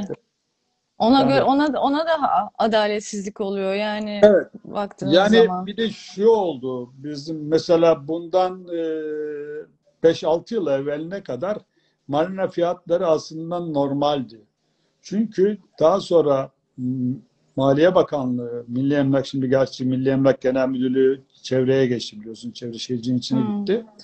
E, eskiden marinalar sadece deniz içerisinde kapladıkları, işgal ettikleri alanlardan üzerinden kira ederlerdi. Ama Hmm. 6-7 yıl evvel yaptıkları bir değişiklikle Marina'nın tanıtım fenerleri yeşil ve kırmızı fenerler içinde kalan tüm deniz alan, manavra sahaları, ölü alanlar hepsini hepsini metrekare üzerine katıp Marina'ya Hı. bir kira bedeli çıkarttı. Atıyorum o zamanın Ha. 1 milyon ödeyen bir marina birdenbire kirası 5 milyona çıktı. Marina da bu 5 milyonu nereden çıkartacak? Bizlerden. Marina fiyatlarına şey yaptı. İşte Evet. bundan dolayı da Türkiye marinalarının ne acıdır ki şu anda Fransa, İspanya, İtalya marinaları daha yükseğine çıktı. Evet, Bak. yani o onu da değineceğiz zaten ama hani gerçekten yeri gelmişken de konuşulabilir. Ee, yani gerçekten şey çok üzücü. Ee, yani e- böyle en e, popüler ülkeler, en pahalı şehirler Dubai diyelim mesela. Ne bileyim ben Monaco diyelim, diyelim örnek vereyim. Evet. Bizim fiyatlarımız onlarınkinden daha yüksek çıkıyor. Evet. Yani bu çok acayip bir durum gerçekten. Hiç a- a- anlaşılık kafam basmıyor o konuda. Yani. Evet. Biraz e, ilerleyen saatlerde şunu da verebilirim. Yani marinalar devlette neler ödüyor veyahut da ne gibi sorumlulukları var da bakın orada daha çok oturacak bu Tamam. taşlar yerine. Tamam. Ee, peki biraz Palamar hizmetlerinden bahsedebilir miyiz? Yani onların eğitimi veya palamarcıların e, süreci nasıl oluyor? Marina işletmeleri bu konuda nasıl yönlendirmeler yapıyorlar? Ne tür Şimdi denizcilik okulundan gelen bir palamarcılar oluyor mesela gibi gibi yani. E, Palamar hizmetleri aslında e, denizci zaten Turizm Bakanlığı belgeli marinalarda denizcilik hizmeti denizciler tarafından yürütülmesi esası vardır. Yani e, palamarcı dediğiniz kişi ya denizcilik meslek yüksek okulundan veyahut da alaylı denizci yani usta gemici veyahut da gemici belgesi olan kişiler Hmm. tarafından bu hizmeti veriliyor. Dolayısıyla Hmm. öyle e, hiçbir bilgisi, deniz bilgisi olmayan bir kişinin botun üzerine çıkarması zaten en tehlikeli bir şeydir. Hı Ve hı. onun içinde ya e, gemici, usta gemici ya denizcilik meslek lisesi veyahut da denizcilik meslek yüksek okulundan gelen e, bireyler tarafından aslında bu hizmeti veriliyor. Hı E tabii aslında bu teknenin bağlı olduğu rıhtım, iskelemende halat çözme, işte bağlanma işlemleri, marinaya girişte, çıkışta tekneye halatının palamar botundaki persone vermesiyle başlayan bu botla tabii sağlandığı için e, doğal olarak da bu denizcilerin buna vermesi en önemli şeydir. E, bir de tabii bu aynı zamanda Palamar'dan başka çok masraflı marina içinde tekneleri de var.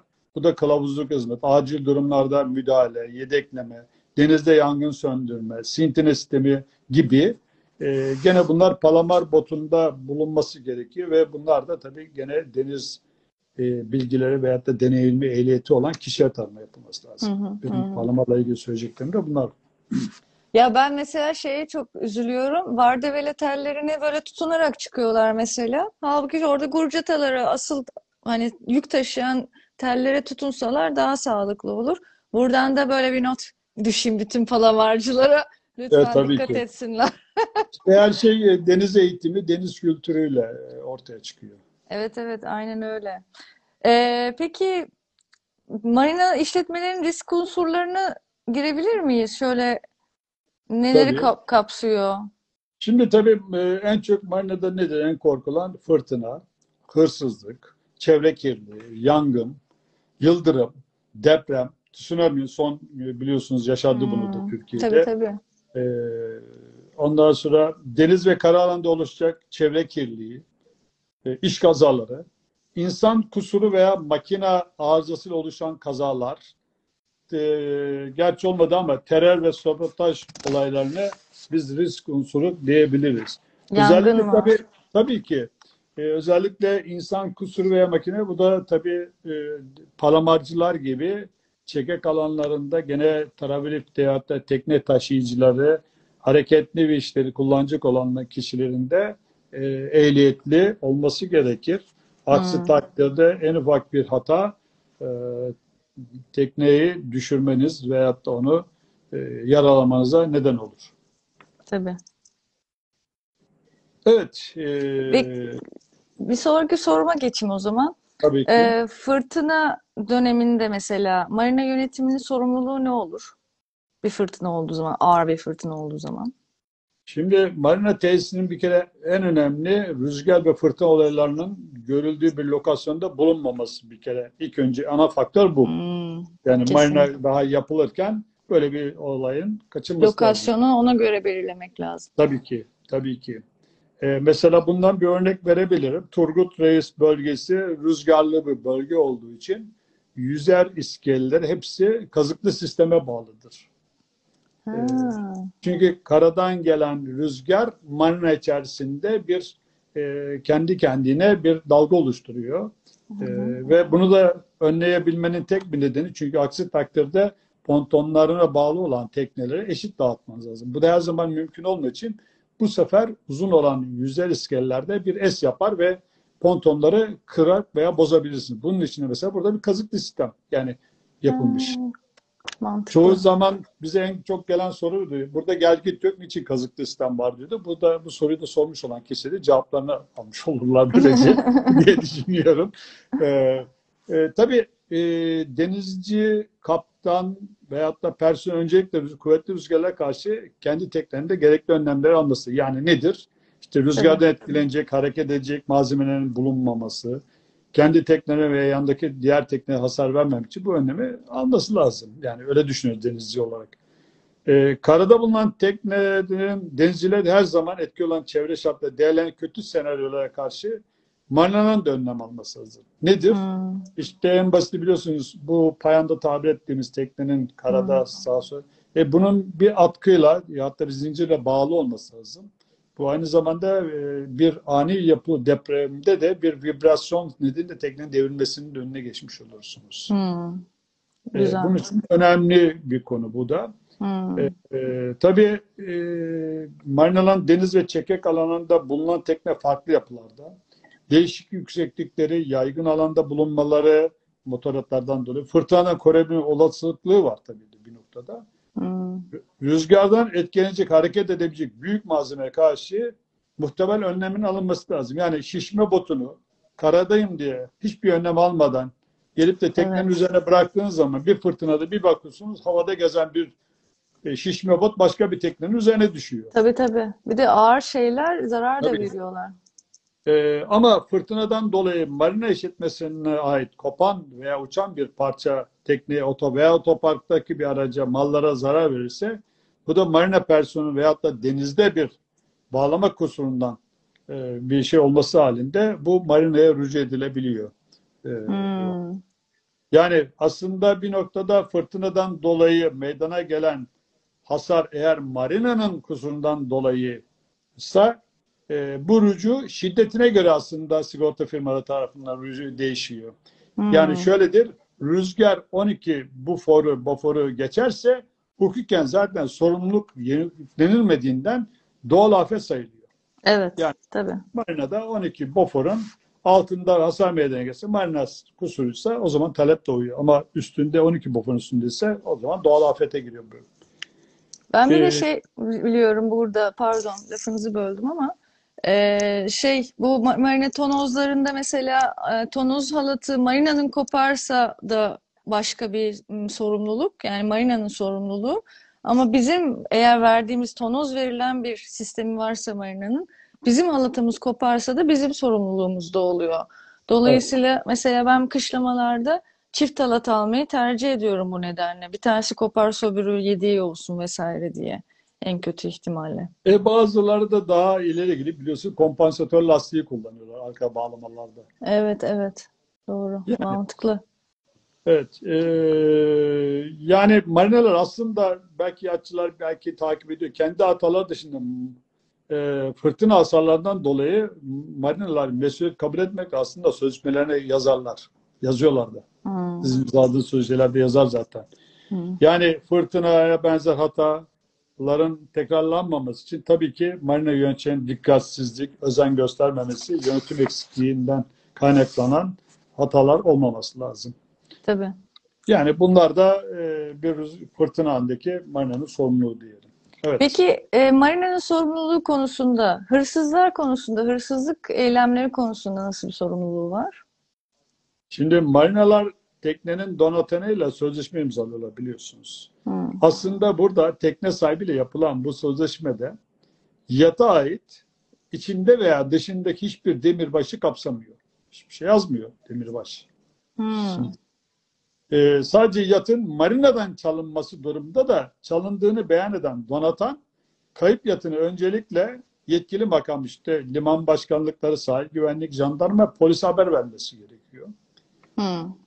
Genel olarak tekne sahibi kendi teknesinde bulunan eşyaların kaybından, çalınmasından, hasara uğramasından, kendi tekne mürettebatı, misafir ve müşterinin uğrayacağı her türlü zarar ziyandan da aslında kendisi sorumlu. Bu da bu sözleşmelerde var aslında. İmzalıyorsunuz siz bunları. Peki mesela burada şey var yazı yazmış. Niye pontonlara kamera konmuyor? Aslında bu da Ee, bir her çözüm yani. pontona her pontona kamera koyduğunuz zaman kişilerin o zaman özel hayatlarına girmiş olursunuz. Ha, o yüzden de tercih edilmiyor. E, tabii biraz ki. tabii aynen şey bir Ee, alan. Yani e, kaç tane yatçı e, kendi özel hayatının bir e, kaydını alınmasını verilmesini ister. Hmm. Gelen giden tekne trafiği, ziyaretçi trafiğinin takip edilmesini ister. Doğal Evet. olarak hayata girer. Yani mümkün olduğunca marinalar zaten koydukları dom kameralarda sadece rıhtımlar veya diğer iskele üzerinde sadece genel bir bakarlar. Yani kişinin yatçıya direkt özel hayatını ilgilendiren e, teknelere doğru bir kamera e, şeyi çekim yapmaz, yaptırtmazlar yani. Yapamazlar zaten. Anladım anladım. Tamam. Onun da Evet. bir sebebi var yani o yüzden. Evet. Ee, şimdi tabii e, Kültür ve Turizm Bakanlığı belgeli marinalar da aslında sigorta zorunluluğu olduğu için meydana gelecek olaylarda marina işletmesi ihmali veya güvenlik zafiyetinden kaynaklı bir hırsızlık varsa e, bu da e, bunun hasara neden olduysa taraflar bunun bedelini sigorta kanalıyla marinadan alabilirler. Bu da var Hmm. yani. Tabii. Doğru. Ama tabii ta- anlaşma olmazsa o zaman yasal yollara başvurabiliyorlar. Tabii burada en büyük problem çoğu belgesiz işletmelerde can ve mal emniyetine gerekli önem verilmediğinden sorunlar tabii zaman zaman çok çıkıyor. Yani belgesiz marinalardan bahsediyorum. Tabii. Çünkü ülkemizde marinalarda kanun gereği kurulmuş güvenlik veya özel güvenlik firmalarından hizmet satın alarak 24 saat esasına göre fiziki ve elektronik destekli Ama güvenlik görevlerini silahsız olarak yapmakta. Yani Hmm. marinalardaki aslında işletmelerin marina işletmesi sağlamış olduğu güvenlik hizmeti sadece caydırıcılık özelliği taşıyor. Ha, anladım. Tamam. Evet, dolayısıyla şekilde az evvel de söylediğim gibi işletmesi güvenliği sağlarken müşterilerinin özel yaşantılarına müdahale etmeden bağlama yapan tekne sahipleri, müşteri, misafir rahat ve huzurlu bir orta tatillerini geçirmeleri için bu doğrultuda planlama ve aksiyon almalar zorundalar. Doğru, Evet. doğru, doğru. O kısmını düşünmemiştim. Peki biraz çevre, marinaların çevre kirliliğinden bahsedelim. Çünkü marina demek aslında o bölgeyi biraz da maalesef ki ister istemez de bir yandan da eee, o bölgenin çevre kirliliğini biraz etkileyen bir faktör olabiliyor. Özellikle çekek alanlarından olsun, atık sistemlerinin ve pek uyulmaması olsun, gece hani e, atık vermeleri olsun, artık deterjan kısmını geçiyorum bahsettik. Ee, bu konuya biraz değinebilir miyiz? Ne, ne, ne, nasıl? bir şöyle bir iki küçük çevreyle ilgili bazı şeyleri paylaşmak istiyorum. İnsanoğlunun doğal bir çevre dışında yaşaması zaten düşünülemez. Evet, Çevre insansız yaşar ama insan çevresiz yaşayamaz. evet, doğru. Ee, yani insanoğlu biyolojik, fiziksel, zihinsel ve ruhsal olarak içinde yaşadığı çevreden de etkilenir. Yani çevrenin bir insan hakkı olmasına ve insanlar için bu kadar hayati önem taşımasına rağmen insanlar tarafından artan bir şekilde kirletiyor olması dra- dramatik bir gerçek.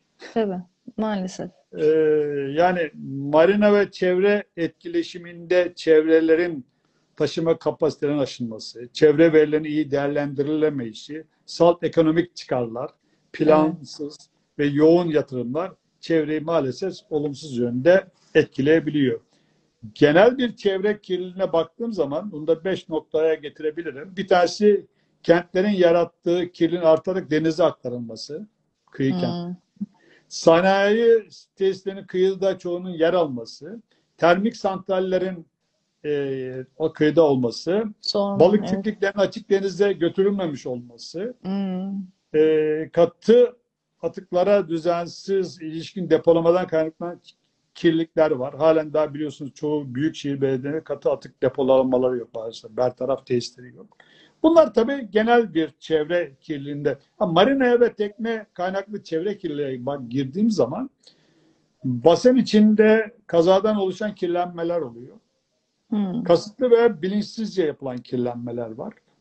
Ee, en çok da e, özellikle akaryakıt ikmalinde dikkatsizlikten kaynanıp e, taştığı zaman denize inen evet. şeyler. Veyahut da e,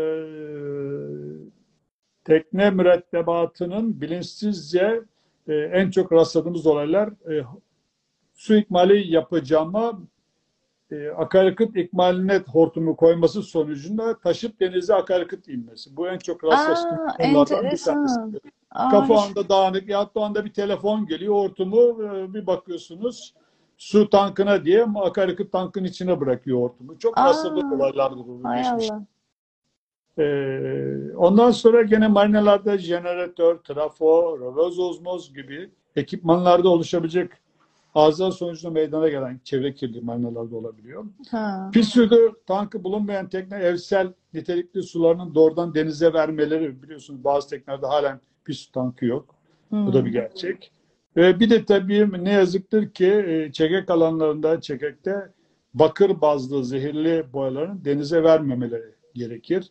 Bununla Evet. ilgili önlem alınmak. Gerçi marinaların çoğunda katı ve sıvı atıkların toplanması için ekipmanlar olmak zorunda belgeli marinalarda ama e, bazılarda gene de bu kirlenme meydana gelebiliyor. Çeşitli tedbirlerin alınması, sık sık kontrol yapılması, her şeyden evvel marinanın kirlenmeye daha duyarlı olması e, ve yayılmasının önlenmesi gerekir. tabii. Bence de. Tabii Kesinlikle.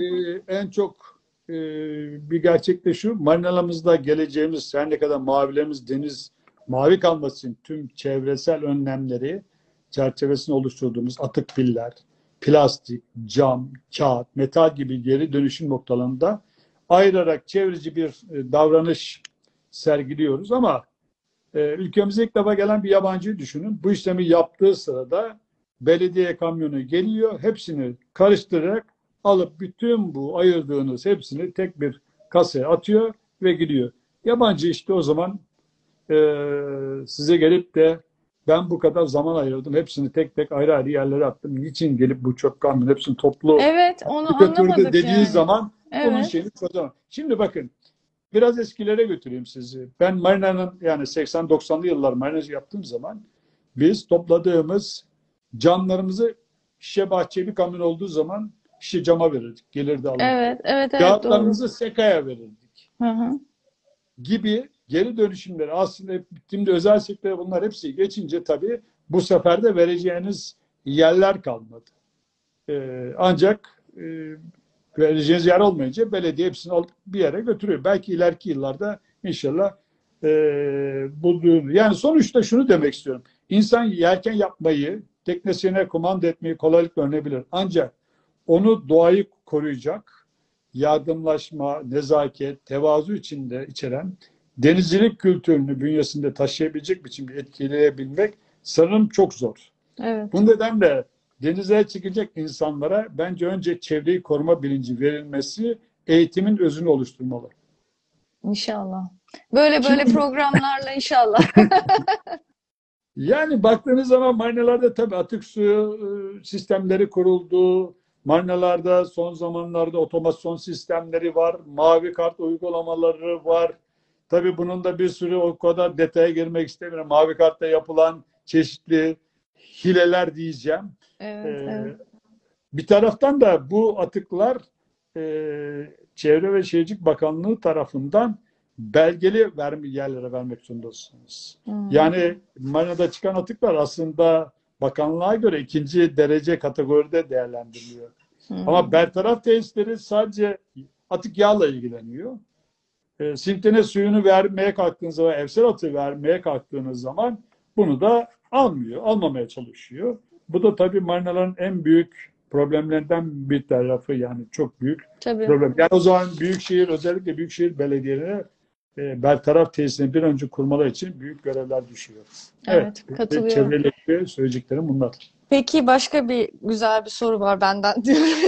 Bu marina sigortalarıyla ilgili şimdi sigortası olmayan teknelere e, sözleşme yapmıyor ya da teknelerin kabul etmiyor. Bu konuda ne diyorsunuz? Gene dediğim gibi marina işletmenin niteliklerine göre farklılık gösteriyor. Ama e, her şeyden evvel belgeli marinalarda Kültür ve Turizm Bakanlığı sigorta zorunluluğu getirmiş. Hmm. Yani diyor ki sen hasara neden olan marina bunun bedelini sigortası kanalıyla yatçıya ödeyeceksin. Yani üçüncü şahıs mali mesuliyet veya marina sorumluluk sigortası yapma zorunluluğu var. Bütün belgeli marinalardan. Hmm.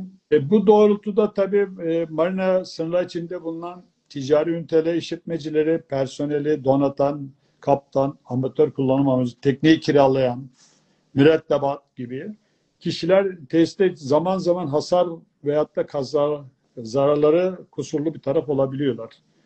E, bu nedenle tabii bazı denizcilik kurallarını uygulamasından dolayı her zaman sorunlar, hasarlar olabiliyor hatalardan dolayı.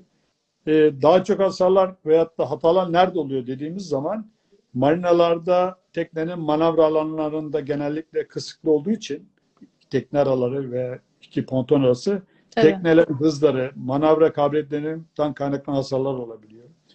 Deniz bağlama ve çekek alanlarında bulunan tekne farklı yapıları, değişik yükseklikleri, yaygın bir alanda bulunmanından dolayı fırtına, yangından koruyabilme olasılıklarından dolayı. Gene marina içinde teknenin hatası sonucu büyük bir çevre kirliliğine neden olabiliyor az evvel de söylediğim. Hmm. Veyahut da tesise dışarıdan bakım onarım elemanı veya teknik servis mi diğer teknelere ve marina tesisine zarar verebiliyor.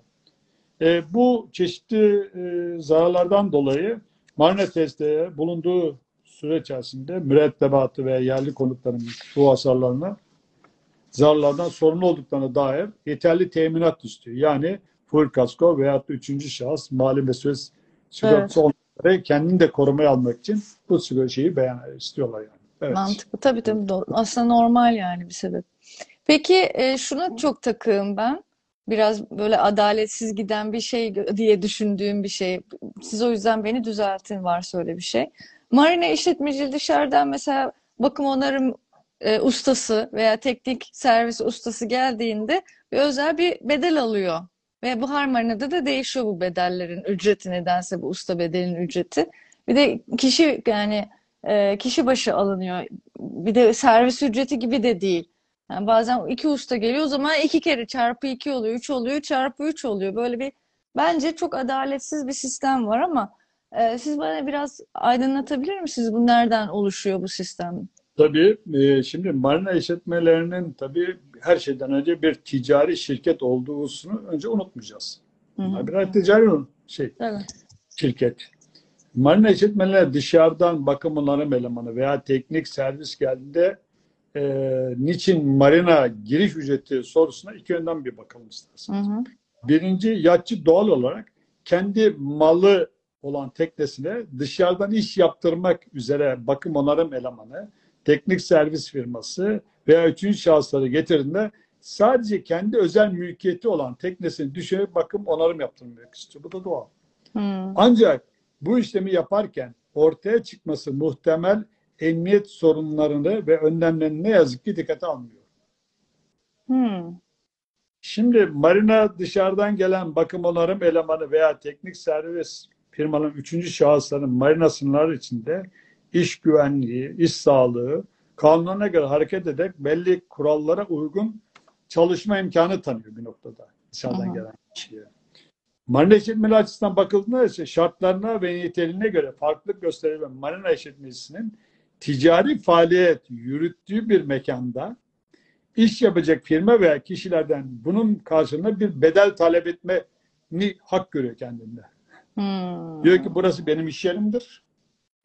Özel mülkiyet ama sonuçta benim ona tanıdığım imkanlar içerisinde bu para kazanıyor. Yani özellikle veyahut da belediye muhtarların işlettiği bazı marinalarda e, işletme belgesi olmadığından bu giriş talep etmiyorlar. Ama her marinanın uygulamaları farklı olmakla birlikte marinalar bakım onarım elemanı, teknik servis veya üçüncü şahıslar adı altında marina giriş talep etmenin bazı gerekçelerini şöyle sıralayabilirim size. Marina tesislerine dışarıdan gelen bakım onarım elemanı veya teknik servis, tesisin otoparkı, eşya taşıma araçları, tuvalet duşları, kullanılan dışında tesis içinde sağlanan güvenli, temiz çalışma ortamı ile can ve mal güvenlik önlemlerini alınmış bir mekanda iş imkanını sağlar. Bir. İkincisi, iş anı, anında kazayla denize akıtılan yakıt veyahut da yağ anında temizlenebilmesi, yangın yahut da kaza durumunda marina imkanının faydalanılması da büyük bir imkan olarak görüyor hı. Şimdi diğer taraftan devletten kiralanan marina işletme alanı sınırları içinde faaliyet gösteren teknik servisler de var tabii. Bu firmalarda çalışan personel sigorta yaptırıyorlar. Yapılan her işin karşına fatura kesiyorlar. İş sağlığı, güvenliği kanuna uygun personel, iş güvenliği eğitimi gibi yasal zorunlulukları da yerine getiriyorlar. Ve aynı zamanda marinanın ticari alanda bulunan bu gibi yat işletme, üçüncü şahıs mali mesuliyet sigortası yaptırıyorlar. Hı hı. Bütün bu koşulları yerine getiren firma ile dışarıdan gelen bakım eleman elemanı veyahut da teknik servis arasında haksız rekabet marinalara göre hiç değilse bir miktar ortadan kaldırmak, eşit rekabet koşullarına getirmek ve iş kalitesi belli seviyede tutma ve sağlamak için işte giriş ücreti almayı düşünüyorlar.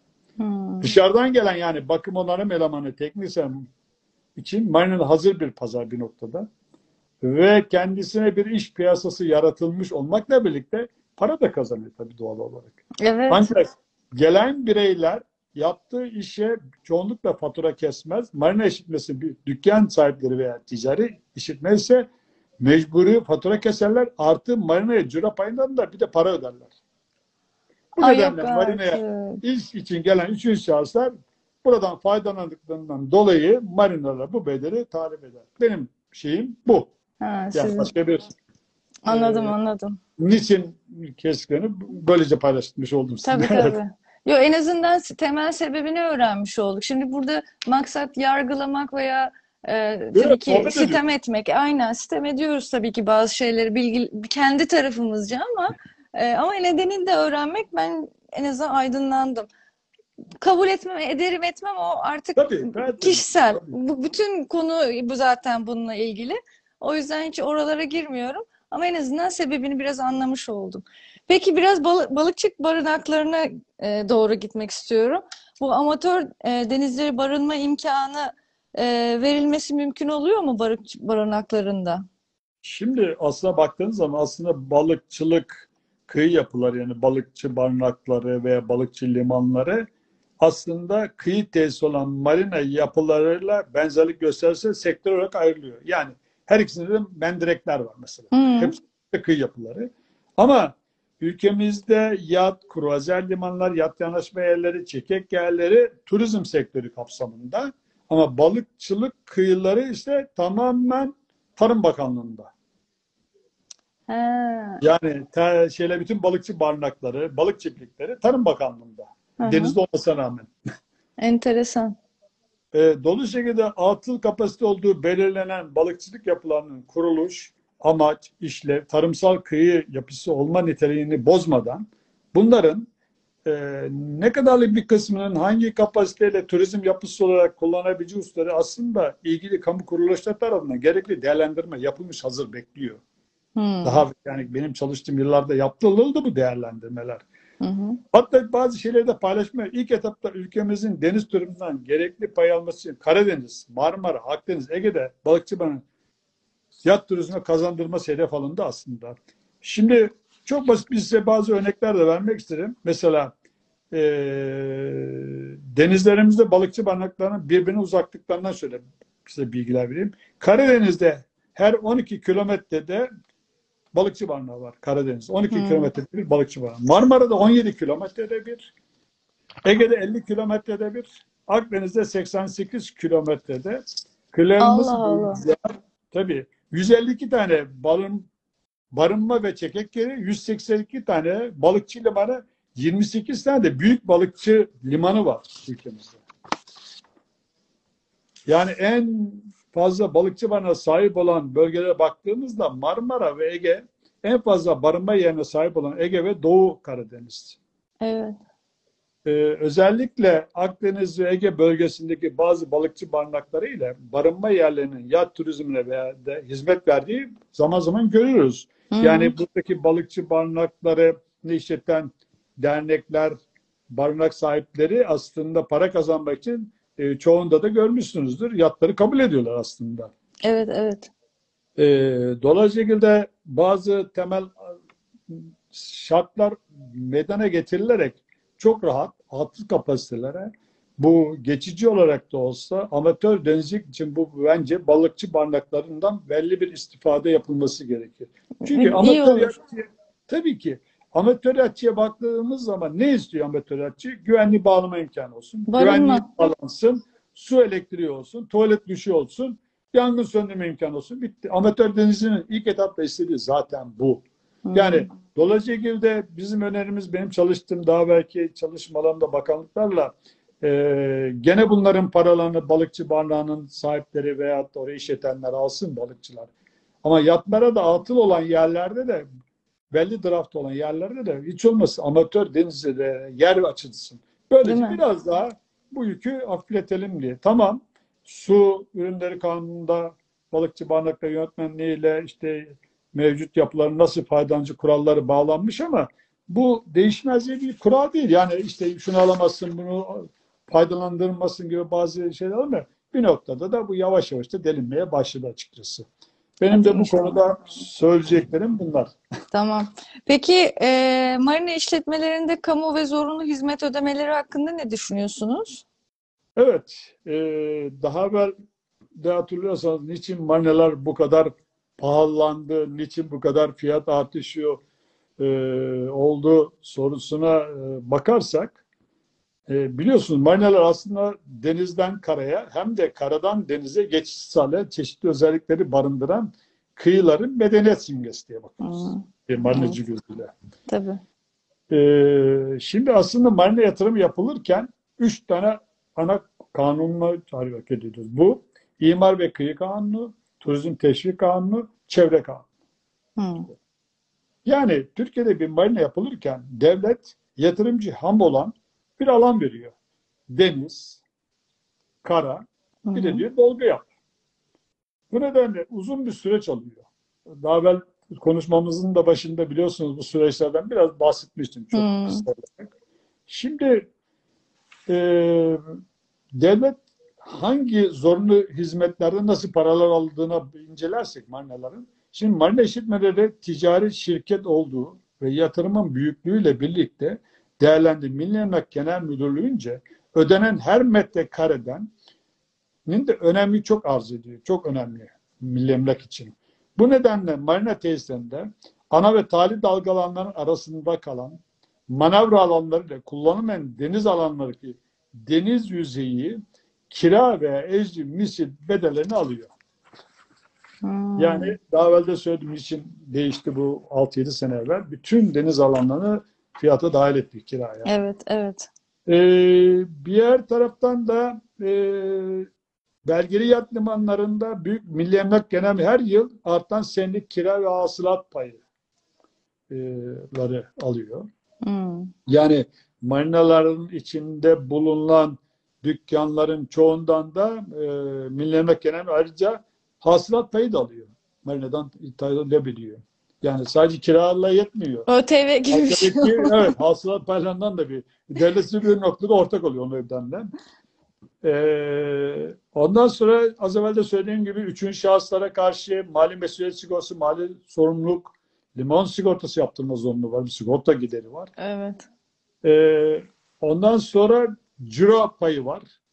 Yani e, tüm firmalardan kira bedellerinden ciro payı alıyor devlet. Sizden ayrıca kiradan ayrı. Ciro da alıyor.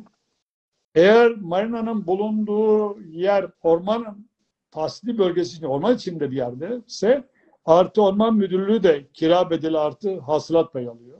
Ay, Tabii. aman Allah'ım. Ee, baktığınız zaman belediyenin ruhsat bedeli, kira bedeli, emlak vergisi eğer belediye ise çevre ve temizlik vergileri giriyor. Bundan hariç diyor ki bu marinanın çevre için çevre danışmanlığı e, tutacaksın veyahut da bir çevre mühendisini marinada bulunduracaksın. Bir maliyet getiriyor. Bu da şart çevre için. Marinalar yani ya bir çevre danışmanı tutacak kurumuyla anlaşacak veyahut da bir çevre mühendisi alacak. Onun harici Ulaştırma Bakanlığı'na baktığınız zaman eğer marinada bir heli- helikopter, heliport varsa helikopter işletme bedeli ödüyor. Telsiz Evet. kullanım bedeli ödüyor. Kıyı telsiz işletme belgesi ödüyor. Palamar botunun deniz aracı olduğu için sizin gibi o da vergisini ödüyor Palamar Tabii, botunun. tabii, tabii. Onun haricinde e, biliyorsunuz belki e, marinaların bu kullandıkları yürüyen tekne vinçleri veyahut da travrif tabir ettiğimiz veya trailer tekne taşıyıcıların e, belli e, denetimleri biliyor musunuz hangi kurum tarafından yapılıyor? Yok, hiçbir Makine, fikrim yok. makine mühendisleri odası yapıyor. Aa, çok enteresan. E, yani asansörler gibi düşünün. Mantıklı aslında. Evet. Dolayısıyla bunlara da bir belli dönemlerde bir iş kazası olduğu zaman işte e, hep şu sorulur. En son makine mühendisi Travlift'in ne zaman gelip kontrolünü yaptı? Hmm. Ee, diğer bir bakımdan gene marinalara zorunlu her yerde olduğu gibi şehrinde işçi sağlığı ve şeri güvenliği kurumları anlaşma yapmanız lazım. Denetim yapmanız. Eğer marina aynı zamanda deniz hudut kapısıysa yani bir feribot yanaşma yeriniz varsa o zaman gene ISPS denetlemesi sonucunda devlete gene bir e, para ödemek. ISPS biliyorsunuz 11 Eylül'den sonra Amerika Birleşik Devletleri'nin deniz güvenliğini sağlamak için böyle bir uygulama başlattı. Hmm. Eğer bulunduğunuz yerde kamu otoriteleri varsa yani bir deniz hudut kapısı varsa marinanın ya- içinde o zaman buradaki çalışan bütün kamu otoritelerinin barınma ve ofis ihtiyaçlarını da marina ödüyor. Vay be. Evet. Ben şey Ee, diye derdim yani paramız olan yani tabii böyle e, yüksek ticari holdingsek e, şu anda yani şu dönemde en iyi işletmecilik marinacılık diye düşünüyordum. Şu anda biraz hı diye Soru düşünüyorum. çarpmıyor. Evet. Zaten herkese biraz- masraflı ama. Ee, biraz detay oldu ama e, bilinmesinde de fayda var. Yani e, Evet. fiyatlar e, dediğim gibi gene sonuçta dönüyoruz. E, devlet tarafından e, ortaya konmuş olan getirdiği e, yükümlülüklerden dolayı bu kadar da fiyat artışı oluyor. Evet evet. Evet. Yani e, tabii ama yine de böyle işte döviz bazında değil ama. Evet, tabii. Haklısınız. Şimdi o bir şey diyeceğim o yüzden demiyorum. Evet. Peki.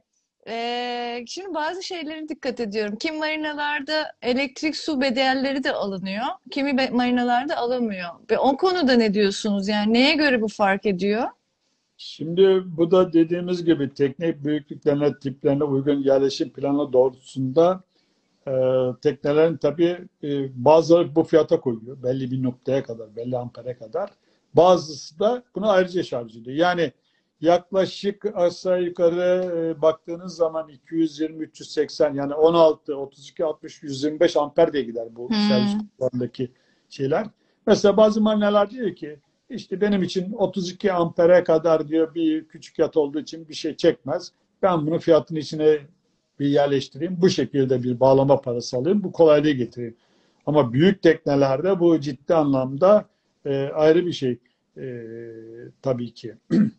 Ama teknelerde tabii bu bedestellerde baktığınız zaman aşağı yukarı her 10 metrede 20 metrede bir servis kutularında tabii standartlar da olması lazım ki herkes rahat rahat. Çünkü biliyorsunuz e, servis box'ı uzadıkça Hı e, ona binen kablodaki yük de e, Ha, ha, artıyor. tabii arttığı için de Gerilim ısınma var. meydana geliyor. Yangın Evet. tehlikesi artıyor. Bunun için de bunu da ortadan kaldırmak için mümkün olduğunca servis bedestellerini veya servis kutuları, servis e, Hmm, hizmet standartını da buna göre ayarlamanız gerekir. anladım. Ona göre de onu da fiyatlandırmaları kimine göre de, oluyor Ha, demek ki şimdi sordunuz galiba koruma var mı diye bedestellerde. Şimdi Evet. marinaların çoğunda aslında e, hepsinde elektrik e, kaçağına karşı kaçak akım rölesi vardır. Mesela Hmm. bazı tekneler elektrik verirsin devamlı sigorta yaptı. Devamlı sigorta Evet. yaptı. E, o zaman elektrik teknisyenini gönderdiğiniz zaman e, der ki senin teknende bir kaçak var. Bak devamlı bizim kaçak akım rölesini arttırıyor yangına karşı.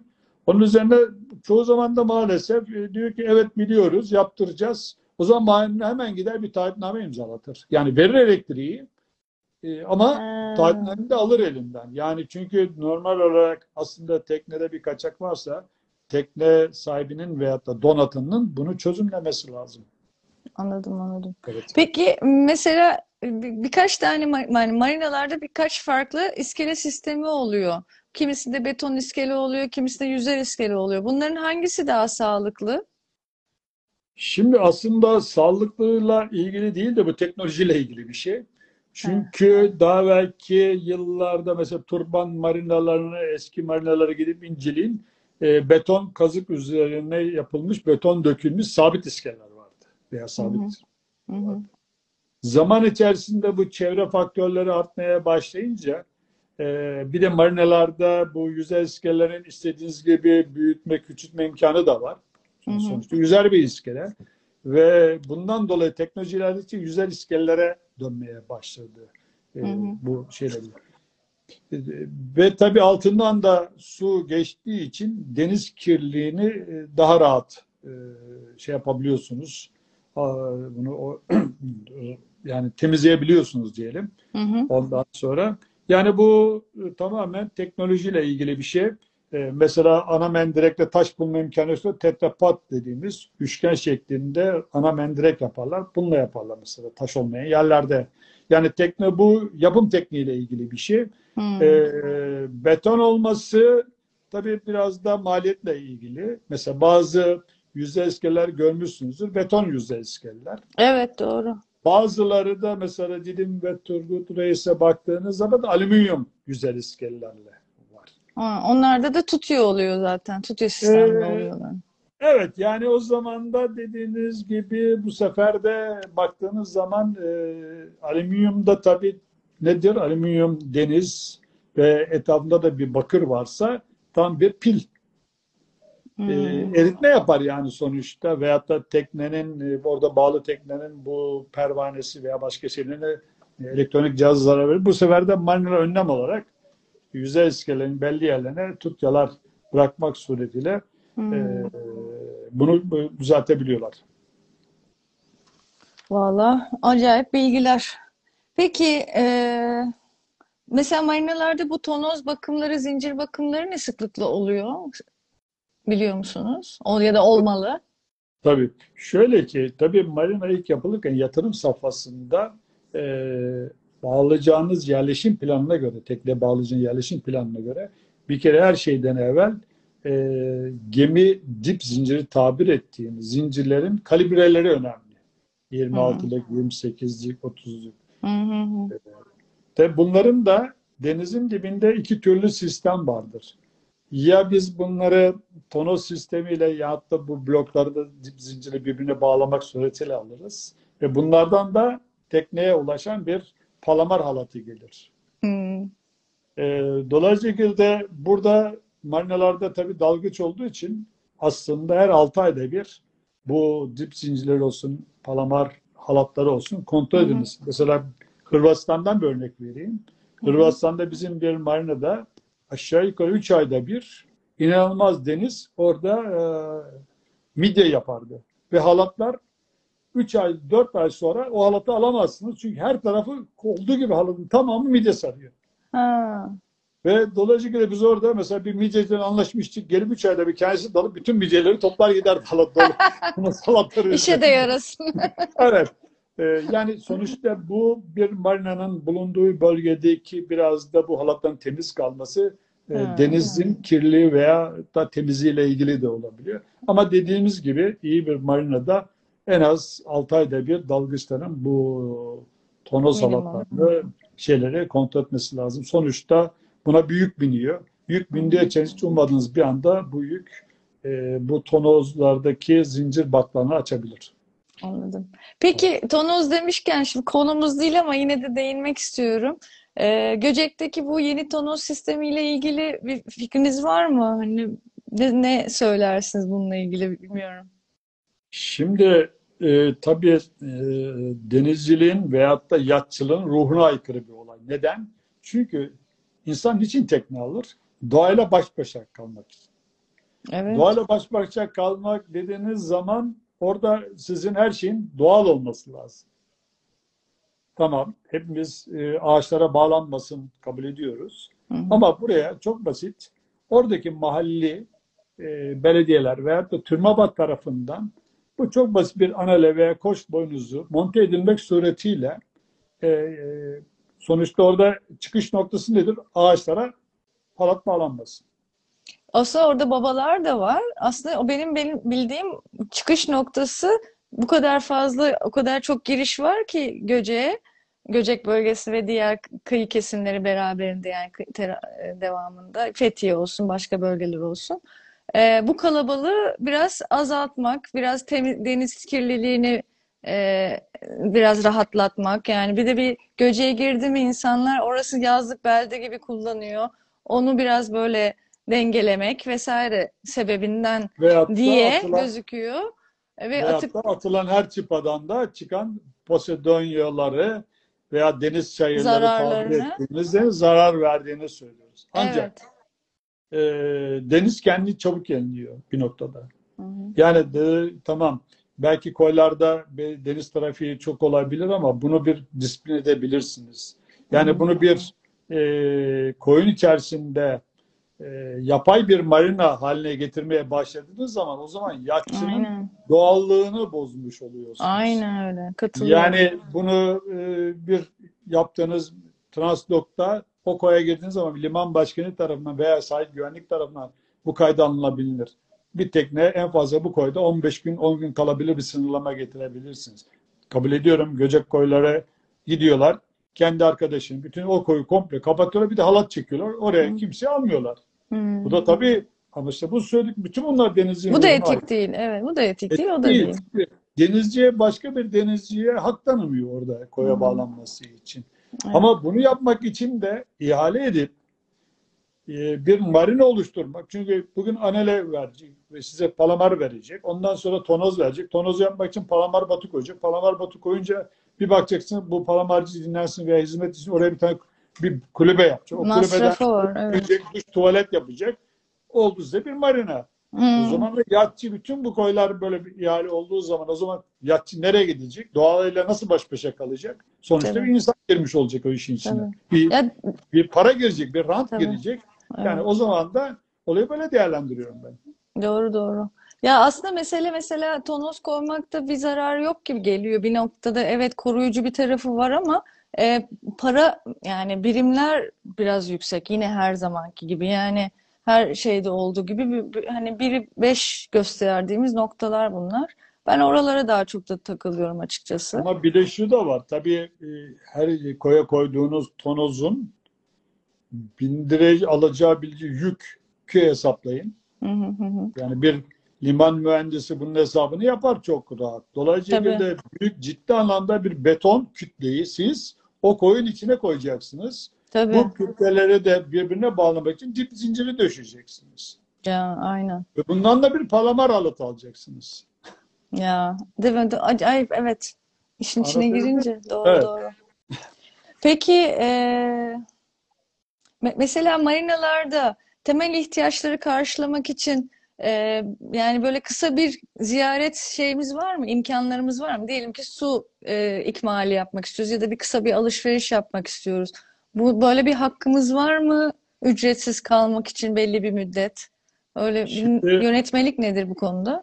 bu konuda aslında bir yönetmenlik alınmış herhangi bir şey yok. Ama şöyle bakmak lazım. Denizcilik nedir? Yardımseverliktir. Yani denizci Dayanışmalık. olmak Evet. zorunda. Dayanışmadır. Evet. Dolayısıyla de az evvel de söyledim. Bu marinalar her biri farklı farklı işletmelere bağlı. Ve eee, şöyle düşünün. Teknede olan hastası olabilir. Bir eczane ihtiyacı olabilir. Evet. Acil sağlık imkanı olabilir. E, bu kişi yani marinalar bir saat, iki saat gibi kısa süreli olarak aslında e, misafir edebilirler.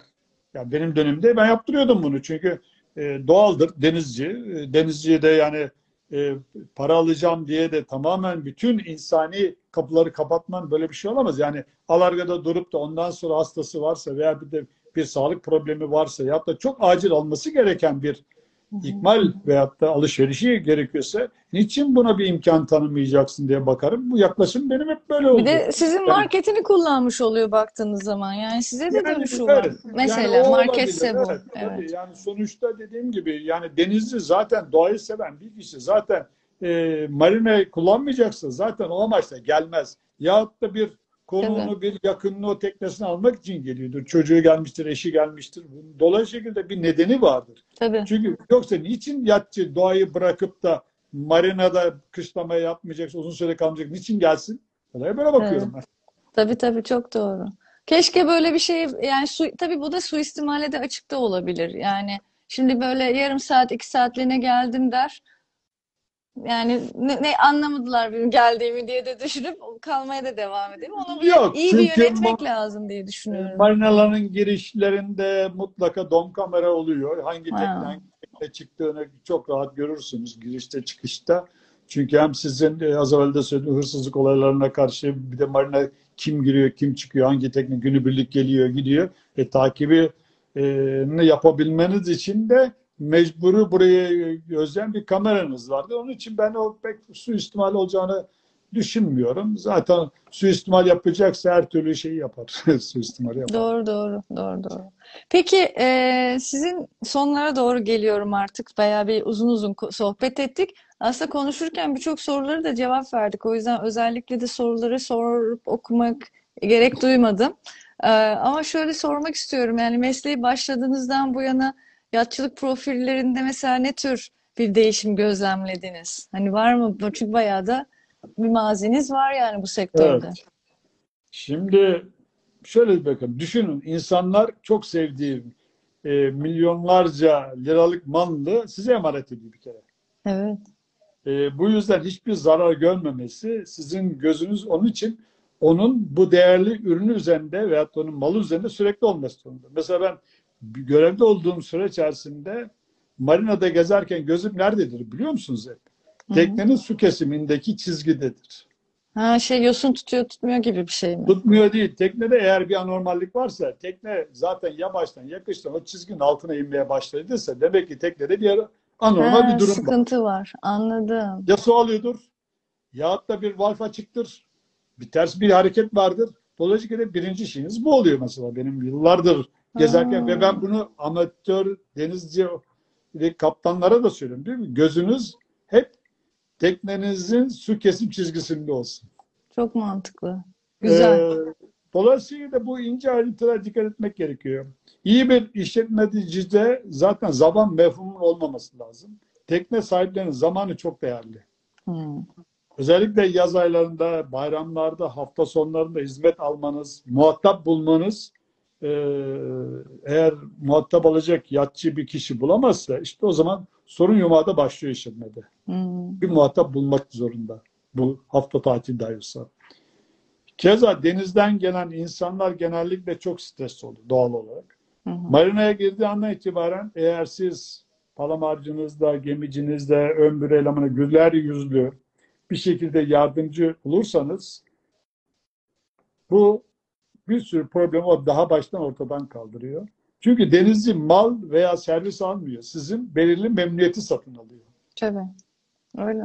Ee, Ancak e, uygulanan yeni ekonomik uygulamalar, işte ko- daha kolay zengin olmak, kısa zamanda köşeyi dönmek gibi arzu kavramlardan ortaya çıktı.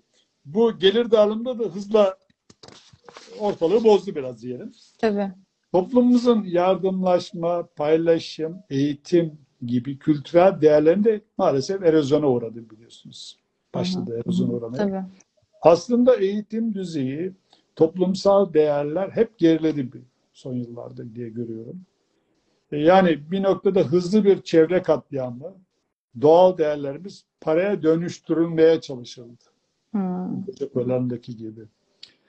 E, Her şey insanın tüketimi anlık, sahte tatlar üzerinde kuruldu. Gelecek kuşaklar maalesef unutuldu. Birçok insan denizlerde yaşamak yerine pahalı lüks marinalarda teknelerini tutar hale geldi son zamanlarda. Bunu görüyorum. Artık yarışlar bile ego tatminini sağlamak, gösteriş maksatlı istismar edilmeye, denizcilik ruhundan uzaklaşmaya başladı. Evet. Bazı Yani noktalarda evet. benim yaşadığım 80-90'lı yıllarda bir yarış olduğu zaman, akşam ödül törenleri olduğu zaman e, bütün bu ödül törenine gelen denizci büyüklerimiz, denizci abilerimiz hepsi inanın e, böyle takım elbiseli ya da e, papyonlu, Hmm. kravatlı ve çok düzgün gelirlerdi. Yani biz e, ben tabii çok şanslı bir dönemde marinacılık yaptım öyle diye düşünüyorum. Hı hı. Bir Sadım Boralar gibi çok e, denizci olan abilerimizi tanımak, denizci nosyonu çok iyi bilen büyüklerimle birlikte oldum. Bu da bana çok heybeme bir sürü bilgi birikimi attı. Öyle bakıyorum. Özetle denizciliğimiz bir tüketim denizciliğine dönüştü son yıllarda. Gerçek denizcilik kültürünün bireye kazandıkları bir türlü fark edilemediği. Yani eskiden bir deniz kültürü var diye düşünüyorum. Tekne sahipleri gerçek deniz adabı almış yatçılardı. Bu profil yıllar içerisinde artık yavaş yavaş erimeye başladı. Son zamanlarda teknelerini karaya çekmiş insanın çoğunun daha zehirli boyu bile kendilerinin atmadıklarını, tekneni geliştirme yolunda pek parti bulunmadığını gözlüyorum. Ben 80'li 90'lı yıllarda gerek yabancı gerekse Türk tekne sahiplerini eşleriyle birlikte çocuklarıyla gelip zehirli boyadıkları bir espri attı. Teknelerini kendi boyadıklarını çok gördüm. Hmm, Bunu böyle hiç görmüyorum.